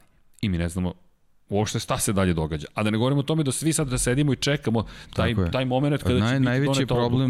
mislim, najviše gube Aprilija, potencijalni potencijalni vozač koji će doći umesto njega, Tako je. i sam Janone. Jer meni sad već u ovoj situaciji iskreno žao mi čoveka zato što jednostavno Pa neka zna makar svoju sudbinu. tako je, tako Neka je. makar zna tako svoju je. sudbinu, ništa nije sporno. Ali ajmo da znamo, on sada čeka novembar, dakle mi sada ne znamo kada će to biti sve završeno i da li će novembar biti. Sredina novembra je navedena kao dan. Sećaš se da je prvo bio neki, neki 15. septembar, pa je bila sredina pa, oktobar, oktobra. Tako je. Znaš, to, to je sad već... A to utiče na posao. Tako I do, do, tu, tu otvaraš temu Bradley Smitha. Bradley Smith koji je ostao bez angažmana u aprili, Lorenzo Savadori će dobiti priliku pre, preostale tri trke da vozi i pričali smo o tome, dakle, kada pogledaš Ali tu, toj priče su Doviciozo, toj priče sad i Lorenzo. i Karl Kračlov, Ka- Karl Krašlo, znači to, to, to su između ostalog uh, velika grupa potencijalnih sponzora koji imaju svoje uh, svoje momentu- projekcije budžeta. Već je, momentu već je novembar, budžeti već trebaju da se formiraju, pritom su sigurno manji zbog cijele ove nisi- COVID situacije. do 15. novembra najkasnije moraš da ih prijaviš, jer doći će praznici. Pritom Aprilija, videli smo ima ozbiljan budžet za razvoj, uh, planovi su već napravljeni. Mislim, mnogo je, mnogo je ovaj komplikovana situacija i uh, najgore u, u, u celoj ovaj situaciji je April, April, Aprilija zbog svojih doslednih stavova će upasti u problem. Da, A ali- mi, mi, ona nama treba sledeće sezone. ne da nam treba, Aprilija nema ni u svetskom šampionatu Superbajku, četiri poena Da. je osvojila u svetskom šampionatu Superbajku. I, i, i, i, I to, u čekaj, moramo da ubrzamo neke stvari, inače ćeš četiri sata ovde biti. Mada je bio jedan zahtev da traje četiri sata, ali dobro, pazite šta želite, to je bio odgovor ekipe. Ali, ali što se tiče Superbajka, to meni super je zanimljivo. Dakle, super zanimljivo Superbajk. Da, Aprilia, dakle, gotovo da ne postoji tamo. Inače, o, Kawasaki je odbrani, os- osvojio titulu uz poen prednosti odnosno na Ducati u šampionatu konstruktora. Tamo je Da, tamo je bila, ja. Oho, bilo je žestoko, ali ali, ali nismo, nismo se dotakli ni Moto dvojke ni Moto trojke. Inače, ne, da, da ne, ne pokušamo da pokrijemo svakog vozača, dakle istakli smo većinu vozača. Ono što bih volio da istaknem u ovom momentu, rekao je za, kada smo pričamo o Aprili, dakle Lorenzo Savadori stiže, to će biti, ja verujem da je to dobar potez, da je čovek koji je, lepo si rekao, u šampionatu Italije bio veoma brzo osvojio titulu, neko ko je zaslužio da dobije svoju šansu, neko ko je probni vozač, ima iskustva s moto i motociklom, hajmo da vidimo šta će biti njegove povratne informacije kada izađe na stazu. To ti je tri trke testiranja sa novim čovekom, Bradley Smith, koliko god je dobar, ko zna šta će Lorenzo Savadori videti. Hajmo da vidimo šta će se desiti. Do tada bismo tre, bi trebalo da saznamo, bismo a mislim da ćemo imati najzad tu odluku o Jenoneu, imati ra, ra, rasplitanje cele situacije. Ali Aleš Espargaro, ovo je neuspešna sezona za Apriliju, zašto? Aleš Espargaro, 27 pojena, mnogo više smo očekivali. Realno smo očekivali više i rekao je da je on nezadovoljan načinom na koje je morao da pretiče u Aragonu, to je na velikoj nagradi Teruela, da je toliko morao da rizikuje, da, da, da on voli čistu vožnju, čista preticanje, da je morao da prelazi granicu onoga što je gotovo prihvatljivo da bi nešto postigao. Tako da, Aprilija stiže u Valenciju isto pod jednim, neće, neće previše uticati na stanju u šampionatu, ne vidim eventualno u Q1, Q2 ukoliko nekog iznenade, ali pa, teško, ovo delo je kao da. priprema da. već sad uveliko za 2021. Prosto da ne zapostavimo fabriku koja, eto, KTM, ja, ja ne znam šta da očekujem od KTM. Ajde, to nismo e, Oni su generalno ove sezone mnogo uradili, mislim iskreno. Oni su već završili posao, dve Posebno pobede. u ovoj godini koja je bila prilično ne, nepredvidiva, verovatno i njima dosta planova vezano za razvoj poremećeno, ali oni su, oni su stvarno uradili verovatno i više nego što su Ispred očekivali. Ispred Honda si u šampionatu da, tako da, da ovaj, rasterećen ulaze, mislim ne, nisu ni u kakvoj konkurenciji igri za, za, za bilo šta veliko, tako da oni dolaze rasterećeni tu, što može biti njihov plus vezan za, za plasmane na ovim trkama. Tako da vidjet ćemo. Dve u dobroj su situaciji, tehničkoj, znači, pozicije, tako je, sve, sve, sve je urađeno kako treba, tako da Mislim da plan da, da su ispunili da. odavno i da sad sve pride uživanje. Da, veliko. a što se tiče Aprila, verovatno su oni očekivali krivo da malo ide ka gore, ali... Ona je mnogo brža nego što je bila, ali da. tolika konkurentnost Moto Grand Prix nije dovoljno prosto. No, držim im palčeve, da. zaista im držim palčeve i što se tiče nekih drugih vozača koji bih istakao, volao bih da obratimo pažnju iskreno, mislim da treba na Ikera Lekonu obratiti pažnju, stojim pri mojim rečima da, da, da će biti dobar u Valenciji, testirao je Valenciji, Iker je sve bolji, prethodna trka na poziciji broj 9, ponovo uspeo je da dođe do Q2, dakle da, imali smo Ikera u jednom sjajnom, jednom veoma dobrom izdanju. Ajde, da. sjajno. Mislim on je on je prošle godine vozio Moto Grand Prix. Tako je. Znači tako ima je. ima već iskustva, Tako ovaj. je. Ne sećam se za razliku Oliveira koji nema. Jer koji nije vozio prošle godine. I sad, da. to, zato kažem, da, Iker, da, da. Mi je, Iker mi strči nekako. Mislim da će biti veoma dobar. Da li ostaje pri da će biti na pobjedničkom postolju na drugoj trci u Valenciji, velikoj nagradi Valencije. To je Deki, baš, ostani šta Čekaj, ostajemo dosledni. Pa, ostani, pa, to pa, ti kaže, pa doslednost mora da, da, da postoji, da, da. tako da, da ostajem pri tome. Ali šta da očekujemo od ostalih? Ma, očekujte čistu zabavu iz Zarka, ko zna šta će, da li će biti raspoložen. Karl Kračl deluje bolje. Sjajna trka svakako nas čekaju sve tri kategorije i kada pričamo o sve tri kategorije. Deki, mi u moto dvojkama, da li mi imamo dramu u moto dvojkama? Ajde, idemo hronološki, imamo dramu, ali Sam Lowe's kako vozi u ovom momentu? Sam Lowe's mislim da je ova pauza jedno njemu nije odgovarala. ja mislim da bi on nastavio da je vozio iz vikenda u vikend. do kraja, do da nove bi godine. on vezao, da, da, da, da. Ovaj, tako da mislim da samo njemu ova pauza nije odgovarala. Da. Svi ostali su dobili priliku malo da se... Tri pobede za da, redom. Da, Tri Beru, da, najuspešniji Britanac po tom pitanju, mislim, to je ono stvarno... Impresivno to izgleda. Da. Da, treće mesto, drugo mesto, tri pobjede za redom i to specifične pobjede. U prvoj po kiši čekam ja Jake Dixon da padne, padne Jake Dixon, idem ja do pobjede. U drugoj trci čekam ostale, Fabio Di Antonio padne, ok, Marko Beceki padne, ja preuzem pobjedu. U trećoj trci, dominacija dominacija. I njegov najveći rival, najbliži na 7 pojena za ostatka, Enea Bastianini, nije podbacio u Aragonu. Drugo i treće mesto, samo nije ne, mogao više. Da, mi sad imamo ovaj, i, i Bastianini ima tri pobede ovaj, Jeste, u, ove godine. U, u, ove, ovoj sezoni, s tim što on, on je stalno tu je negde u bodovima, na podijumima, nekako, ne se. Da, nekako je ovaj, konstantniji po, po tom pitanju, ali jednostavno Lowe's je u tom naletu i, i to je iskoristio na maksimalan način, tako da nema, tu nema više kalkulacija. Ok, je, dakle imamo dramu. To je, mislim da imamo. Jedan da, na jedan, bum, imamo, imamo njih dvojicu, da, imamo ovaj, uh, Sky momke. Luka Marini na 23 Marini, pojena da, za ostatka da. odnosno Lowsal. Ja mislim da je ovo poslednja stanica da Mislim da treba očekivati da vidimo Marinija, kako izgleda Marinijev all-in. Dakle, kada kaže sada do maksima. Pao je na velikoj nagradi Francuske, to je ružan pad. Ali je dobro došlo što je sad imao pauzu. Tako je.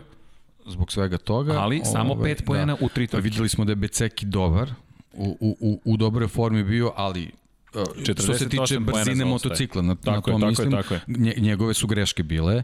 Tako da, ovaj...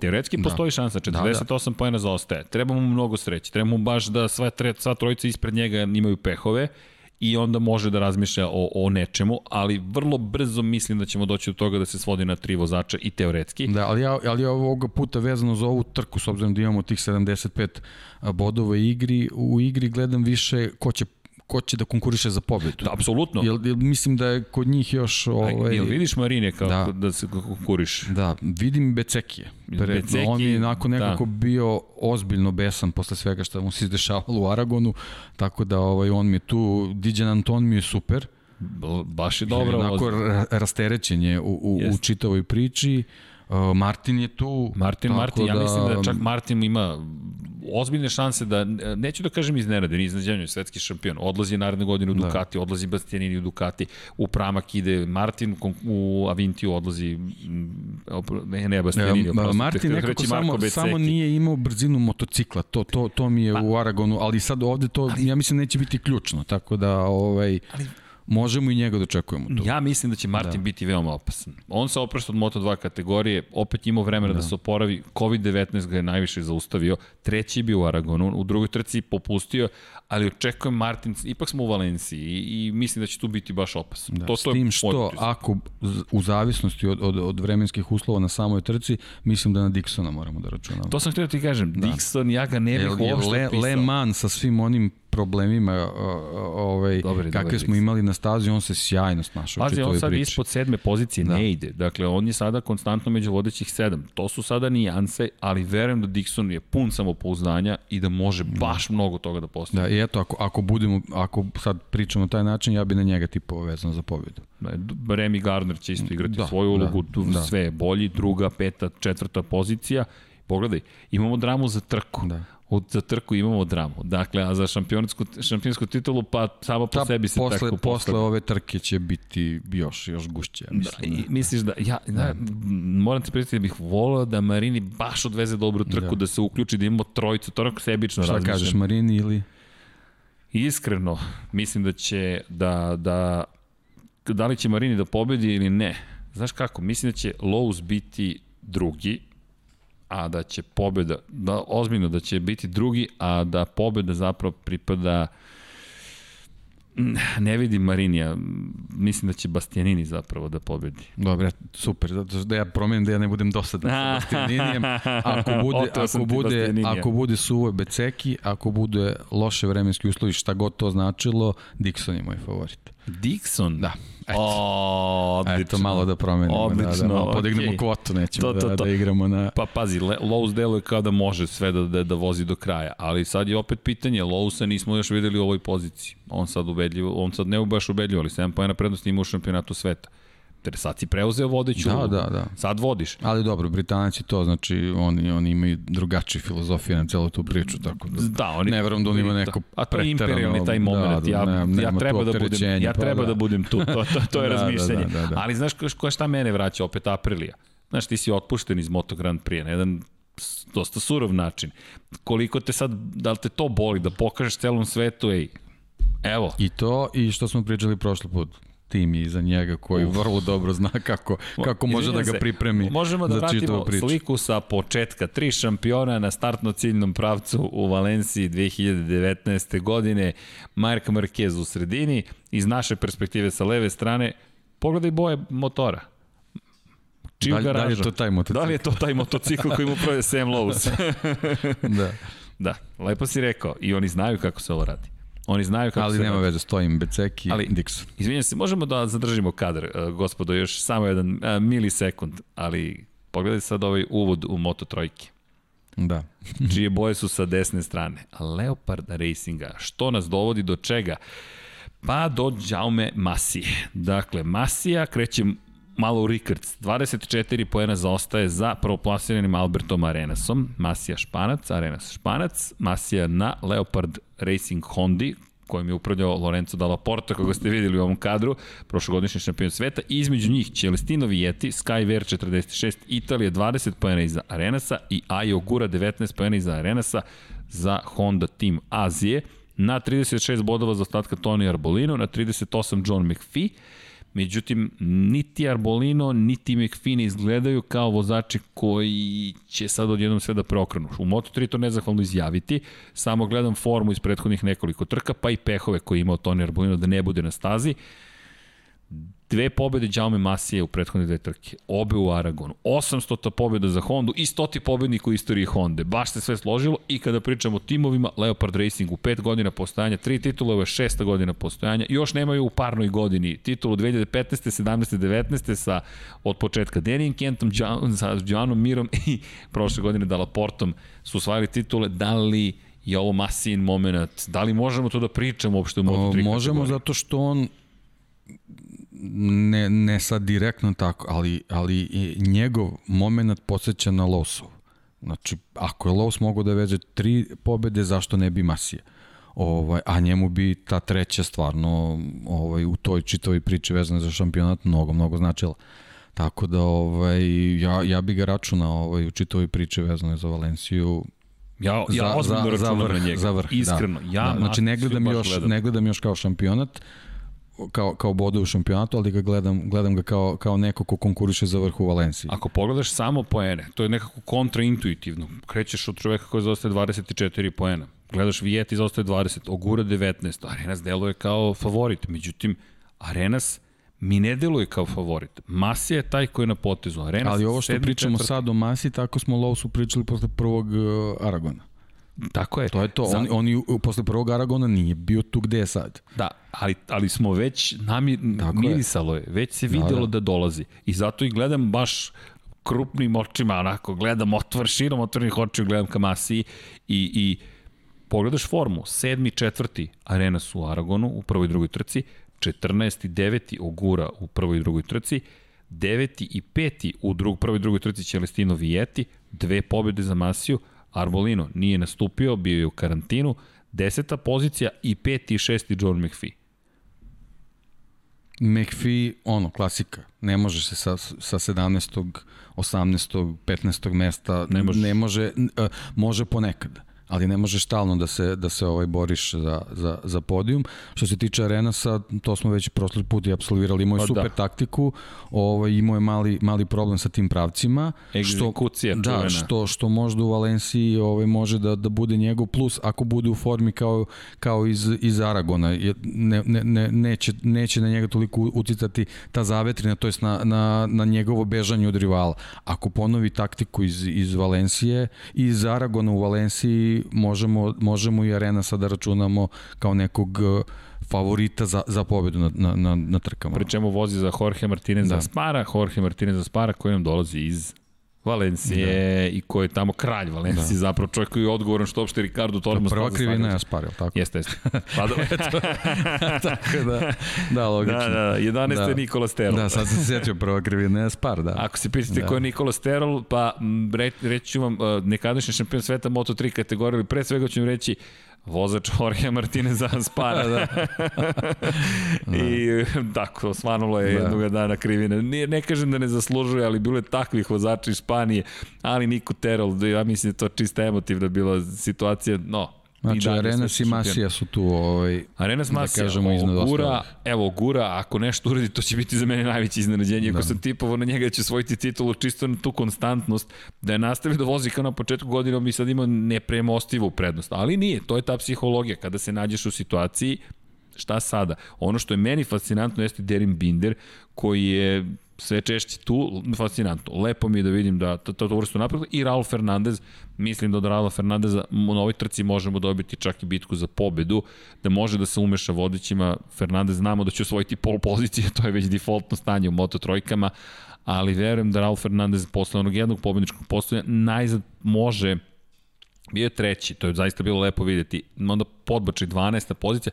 Mislim da sad u Valenciji može, može korak dalje. Sa Akijem Mavim i sa celom tom ekipom, a da ne govorim što Masija mu dolazi sledeće godine u ekipu da mu bude klubski kolega.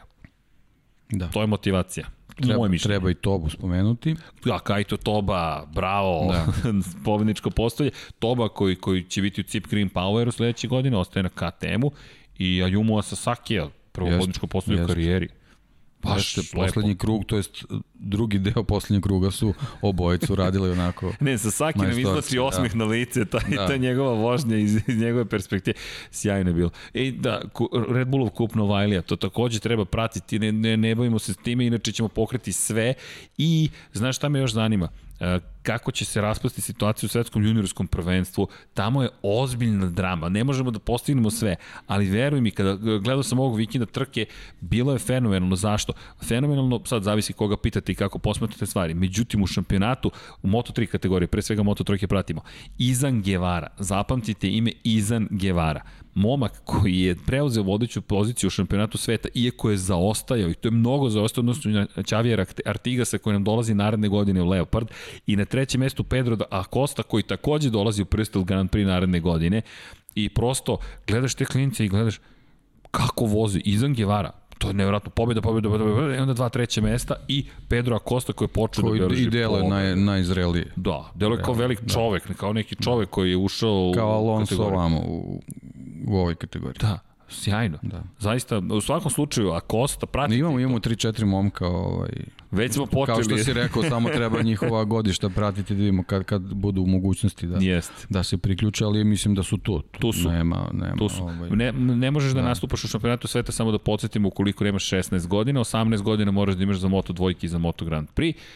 ali postoji izuzetak. Izuzetak se zove Quartararo pravilo, uvedeno za Fabija Quartarara, dakle, posle njegove dve titule u šampionatu Španije je rečeno, ako osvojite tu titulu, e, možete mlađi od 16. To mu je kao neka super licenca. Da, to je super licenca. da. A onda su italijani pitali, a zašto ne šampionat da. Italije? A onda su Nemci pa, pitali. Pa poradite malo na, na šampionatu. šampionat? E onda da. su Španci rekli, ok, da. ovo se sada zove svetsko juniorsko prvenstvo.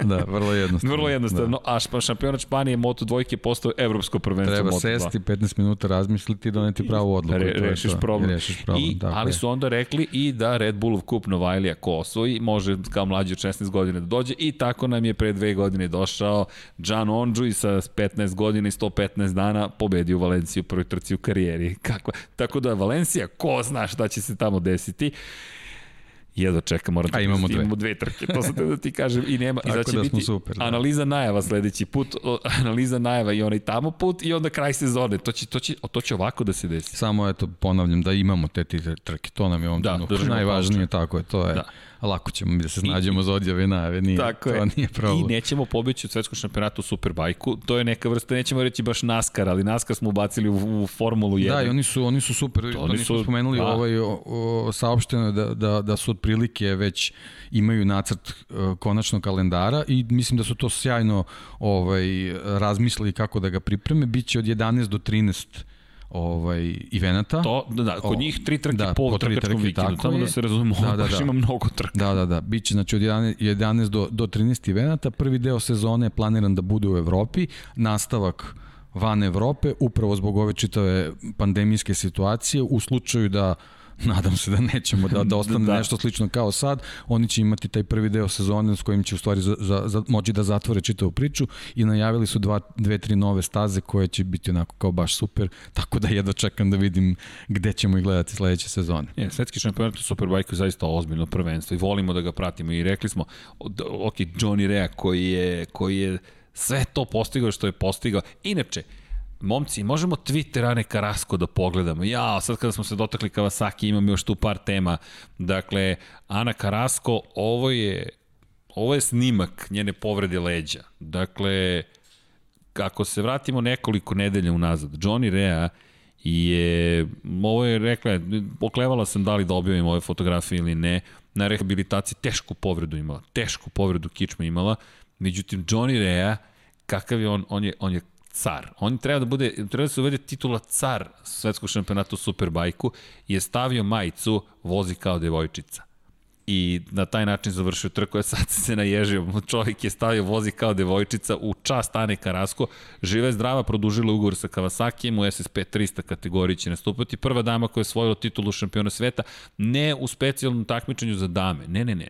Ona je došla kod gospoda i rekla, ok, ja ću da vam, sad ću da vozim kao devojčica i vozila je kao devojčica Johnny Rea je ne ispoštovao, nego je samo da, i ne samo to, ona, ona zbog ove povrede propustila gotovo pola sezone, Jest. ona je a, dobila nagradu kao vozač sa najviše najbržih krugova u sezoni a nije vozila, a nije vozila pola, pola sezona. Tako da stvarno ovaj, njeno dostignuće ozbiljno vredno pažnje i ja, drago mi je što je, što je Johnny to primetio i, i ovaj, odao pažnju i na taj način. Da, Johnny Rea, ja što, šta, što više radi neke stvari, ja moram ti reći da, se, da, da, da, da mi se više dopada prosto sve što ono što je učinio Johnny Rea. Baš je legendarni tip. I kada već pričamo o Kawasakiju, ovo može biti zanimljiva vest. Dakle, hvala Goranu, Goran koji mi šalje sve informacije, biznis, točkovi, sve, sve, sve, malo tako privatizujemo, ali sve je privatizovano. Dakle, ovde smo mi, zabavljamo se u našoj ne znam, dnevnoj sobi, inače pao je mrak, samo da znaš koliko već snimamo.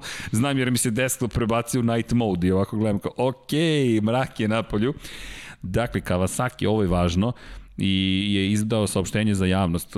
Za one koji ne znaju, Kawasaki je pre svega se oslanja, mi znamo Kawasaki po motociklima, ali teška industrija Kawasaki je nešto što smo spominjali. Brodovi, lokomotive, to jest vozovi, robotske ruke, to je ogroman biznis. Kawasaki je rekao da će od naredne godine, 2021. potpuno odeljenje motociklizma izdvojiti. To je jedini masovni proizvod koji Kawasaki zapravo posjeduje. Ako pogledate, Kawasaki, to što ga vidite na lokomotivi, dizel ili na brodu, nije nešto što se masovno prodaje. Dakle, to je business to business. Dakle, to je teška industrija. To je industrializam. Ali ovde imamo masovni takozvani proizvod za širu javnost i sve što ima veze sa širom javnošću se odvaja u posebnu kompaniju. E sad, ovo je samo moje tumačenje, dakle, o, samo moje tumačenje. Ako već odvajate motoci, motocikle, motore, kada govorimo o motorima, bukvalno pričamo o motorima, kao svaki proizvodni i motore, mo, motor kao pogonsku jedinicu i Ono što je takođe važno da pomenuti, četvorotočkaše, off-road četvorotočkaše, ko zna o čemu govorim, zna koliko je Kawasaki tu dobar Sve to se odvaja u zasebnu kompaniju do, do oktobra 2021. Sve ostalo, pogotovo što Kawasaki duboko veruje u razvoj železnice u takozvanoj true covid pa post covid eri i kao jedan od potencijalno važnih načina masovnog putovanja, masovnog tranzita, dakle tu će investirati mnogo i žele da kapitalizuju na tvoj, svoju dobru poziciju u tim tržištima. Iz naše perspektive, ako odvajate u jednu kompaniju Dakle, sve ono što ima veze sa, znaš, pre svega motorima, motociklima, može se desiti da će veće investicije ići, jer žele da zapravo investiraju više i zašto žele da investiraju više? Ne zato što je to dobra samo proizvodnja. Nosilac cele robne marke, to je brenda, će biti taj deo Kawasaki-a. Brand za one koji se bave marketingom ili žele da se bave vam je najskuplja stvar koju imate. Kogod vam kaže drugačije, odmah ću vam reći greši. To ne znači da nema, ne možete da imate dobar proizvod, lanac dostavi i tako dalje, tako dalje.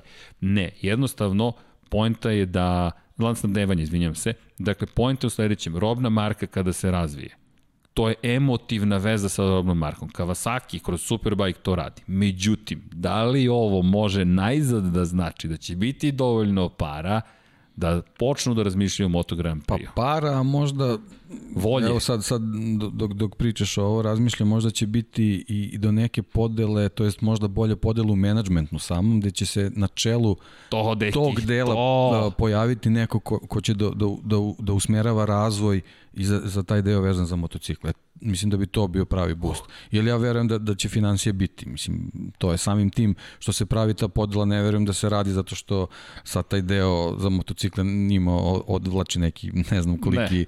procenat kapitala, nego jednostavno mislim da je jako bitno da, da menadžment bude taj uh, koji razume čitavu moto priču, da, da, da te financije koje su im na raspolaganju usmeri na pravi način da, da se neki boost dobije, pa eto, ko zna, možda ih dobijemo nazad. U... To ti kažem, vidi, to, to, da, dakle, tako, ali sad da. tražimo osnove, argumentovane osnove tako da se to je, desi. naravno, naravno. Ne, da. samo naša želja, želja tako je, je ne, ne, ne, ne, ne, neupitna, dakle, to, Neki to postoji. plan postoji čim se desila ta podela. I Znaš, to je dugoročno sada gledati. Ne verujem da se desila da bi moto program stagnirao. Ne, ne, ovo je... baš deluje kao da će je, ići u investiciju, jer ceo brend prelazi tamo. Investicije u brend moraju biti obično veoma velike. Tako je. Jer ti na taj način, zato što je neko, koliko god to zvelo, čelovalo možda m, iracionalno, mi smo pre svega iracionalno bića, ali ja treba da odlučim o tome da li ću sarađivati s nekim Kawasakijem, a onda znam za Kawasakijeve uspe, uspehe tamo ili ovde i znam za kvalitet, ja kažem čekaj, čekaj, čekaj Kawasaki, to, to, to, to, to dobro zvuči. Johnny Rea, on mora bude doživotni ambasador Kawasaki. Bukvalno. Da. Ja ne znam da smo toliko puta Kawasaki spomenuli, osim zahvaljujući Johnny Ray. Da, ako neće Moto Grand Prix program, će napraviti neki električni motocikl. Što nas vodi da, ka Aventuriju? Ka Aventuriju i ka vodi ka Maxu Bjađiju, je li tako? Da. I Max Bjađi trebalo je da ide u, u Boliviju, ali oni su rešili, rešili da, su da, da požure. Da. Pa dobro, verovatno ova COVID situacija to. Jeste. I šta ću ja sad da radim, deki, sa da. celim planom ali 408 km na 408 da, da. km na čas. Za one koji ne znaju, pričali smo prošli put, Voxan Vatman, dakle Max Bjađi i Voxan Vatman su oborili rekord u Francuskoj, dakle po brzini... Više rekord. Više, re, više, mnogo rekorda su oborili i da, trebalo je, inače, on nisu bili fair, najavljivali su Boliviju, Boliviju, Boliviju, Boliviju, ja radim na tome da odemo mi u Boliviju i oni izbace u, u, u četvrtak saopštenje, mi ćemo u petak, subotu i nedelju da testiram da oborimo rekord. Pa čekajte, dajte nam bar 76 minuta da se spremimo, dajte nam nešto. Nije bilo šanse da, da, da stignemo, ali svaka čast Maksu Bjađiju, dakle, to je bilo zaista impresivno. Zaista je bilo impresivno i ono što treba da se napomenu u celoj toj priči, Mercedes AMG F1 je stao uz ceo projekat. Zašto? Veze postoje vrlo jasne. Dakle, kada govorimo o Venturiju, ko vodi tim Formule Venturi, Suzi Stoddard, a ne Suzi Wolf, dakle supruga Tota Wolfa, šefa Mercedes AMG F1 ekipe. Mercedes-Benz ih je zaista podržao iz te perspektive promotivne, možemo reći. Voxan je zapravo iz Venturi programa, Saša Lakić koji je dizajnirao tu celu priču okay i Rocket koji je bio sponsor, bukvalno ih namerno spo, spomenjem, nama su pružili ogromnu podršku. Nisu nam zvanični sponsor, ali Rocket zaista zaslužuje iz te perspektive veliku, veliku zahvalnost. Nama su omogućili tako da upoznamo neki ljudi, stvorimo kontakte i bilo je fenomenalno gledati Maxi Bjađe kako to postiže. Jedino što mi je žao što nije bilo nas, a to je bio plan. Ali koje su rekorde oborili? Dakle, leteći start na četvrt milje, nije bilo rekorda ranije postavljenog. 394,45 je zvanično. Na četvrt milje leteći start, dakle pre toga koji su prvo bili postavili je bio 357,19. Na kilometar leteći start je bio prethodni rekord 329,31, sada je 386,35. Lepo. Da. Lepo. Iz mesta... Ne, mislim, očekivali smo, očekivali smo vrhunske performanse vezane za, za tu maksimalnu brzinu, ali ovo je stvarno ovaj, Jeste, jedino što su me za srce da, ja, ja, ja sam samo setio, ja sam imao prilike da gledam Maxa, ovaj, mislim da je to bila 2010. čini mi se ovaj, Superbike u Monci, on je tada Apriliju vozio, ovaj, razvio je 360 na sat na Apriliju, onda sam kao razmišljam, kažem, pa da, čekaj, ovo je skoro 50 km na sat brže. Kako li se on osjećao? Mislim, to jednostavno nije, nije brzina ni na koju on navikao. Ne, ne, nema, da, fenomenalno. Ovaj, pa vrat, vratimo se, vratimo da. se na Kenana Sofogla preko mosta na Bosforu, kako ide sa Kawasaki, evo ti ga Kawasaki H2, da. kako ide 400 km da. na čas. Da, to, to, su, to su i za njih ovako ovaj, nestvarne brzine, tako da, mislim, eto, lepo što se pomera ta granica. Ta neka, Jeste, ovaj, ali, ali, ali fantastično. Pazi, to je 250 Ali znaš šta, možda, možda, možda, će, možda će nešto se napravi u Boliviji, možda su oni, možda su oni očekivali da, da će razviju neku, neku maksimalniju brzinu od ove. Hoćeš ja da ti kažem šta će da se napravi u Boliviji. Jedan mali kamp 76 na ruti 76 kroz Južnu Ameriku. Ima ruta 5, e, da. sad će da bude, ne znam ruta kako se izgovara, 76 na španskom, ali to je Google Translate, pa ćemo da ubacimo. Očo 5 znam da kažem, pošto je Očo 5 čovek koji je, Vanja je tu ljubitelj, dakle, jel te, ljubitelj i te kako američkog futbola za oni koji ne znaju. Dakle, govorimo o, o, o čoveku koji se preziva 85 zapravo. Ali sve okej. Okay. Idemo dalje. Deki, pa da oborimo mi neki rekord da. sad u Valenciji. Ne, znaš šta moramo da oborimo? Rekord dužine jednog podcasta. da, to, Dobro, sad nismo, sad smo okej. Okay. Nismo, ali jak to 400 okay. na čas Max Bjađi da mi odredimo 4 časa podcasta. Pa može, zašto može, da ne? zašto da ne? Zašto da ne? Kad imaš teme, nije nikakav da, problem. Da, pazi kako lako je da. nekako, sve Naravno. se složi. Da, u svakom slučaju, dakle, da, da, da pre nego što svane novi dan, da, da zatvorimo današnji podcast, broj 45 Lab 76, podsjećamo, puštam bradu, Dejan ima bradu, pa ćemo to dobrijemo da svedemo na brkove, Movembar je počeo, iz perspektive Moto Grand Prix-a veliko finale. Tu tri trke, za one koji ne znaju šta je Movember, dakle, brkove puštamo da bismo skrenuli pažnju na bolesti muškaraca, što rak testisa, što rak prostate, što psihičkog zdravlja. Momci imate podršku odavde od cele ekipe, idite na pregled, proverite se, nemojte da se stidite, nemate čega da se stidite, ne treba da... Ne, apsolutno treba da vodite računa o sebi, i nema sramotu tome da budete živi i zdravi. Nažalost, svakome može da se desi. Evo vam primjer ove legende. Dakle, Valentino Rossi COVID-19 dobio zato što je negde nekako se našao u okruženju gde je mogao da se, da se, da, da, da se zarazi virusom. Svakome od nas može svašta da se desi. Proverite se, prekontrolišite. Psihičko zdravlje isto. Svi znamo da popustimo, s obzirom činjenicu da je pritisak konstantan, tako da imate podršku opet iz studija na kraju univerzuma, a kada je reč o novembru, onim stvarima koje nam pomažu da ga preživimo lakše, ja deki jedva čekam sledeći, ali obećali smo, evo, da kažem vam, broj 46 biće posvećen između ostalog i Valentinu Rosiju. Zašto? Pa mnogo su nam lepi brojevi, ne može drugačije. I ne brinite, 27 smo propustili, zato ćemo 72 da posvetimo Casey Stoneru, 93 Marku Markezu, to su legenda ovoga sporta, 99 Jorge Lorenzo ćemo takođe, takođe posvetiti, a Don Pablo mi pokazuje broj 69 kada dođe apsolutno Niki Hayden će biti tema. Tako da, spremite se za uzbudljiv vikend, nadam se da ste uživali, mi svakako uvijek uživamo, deki, Šta ti kažem, vidimo se, vidimo, vidimo se, se vrlo brzo. Tako je. Već za sledeći podcast. da. Ljudi, još ćemo, a ti, te, ti, tebe još nisam navukao na čao svima, ali ajde, polako, ajde da hoćemo zajedno. Ajde. Dvoplan, na 1, 2, 3? Ajde. 1, 2, 3. Ćao svima. svima.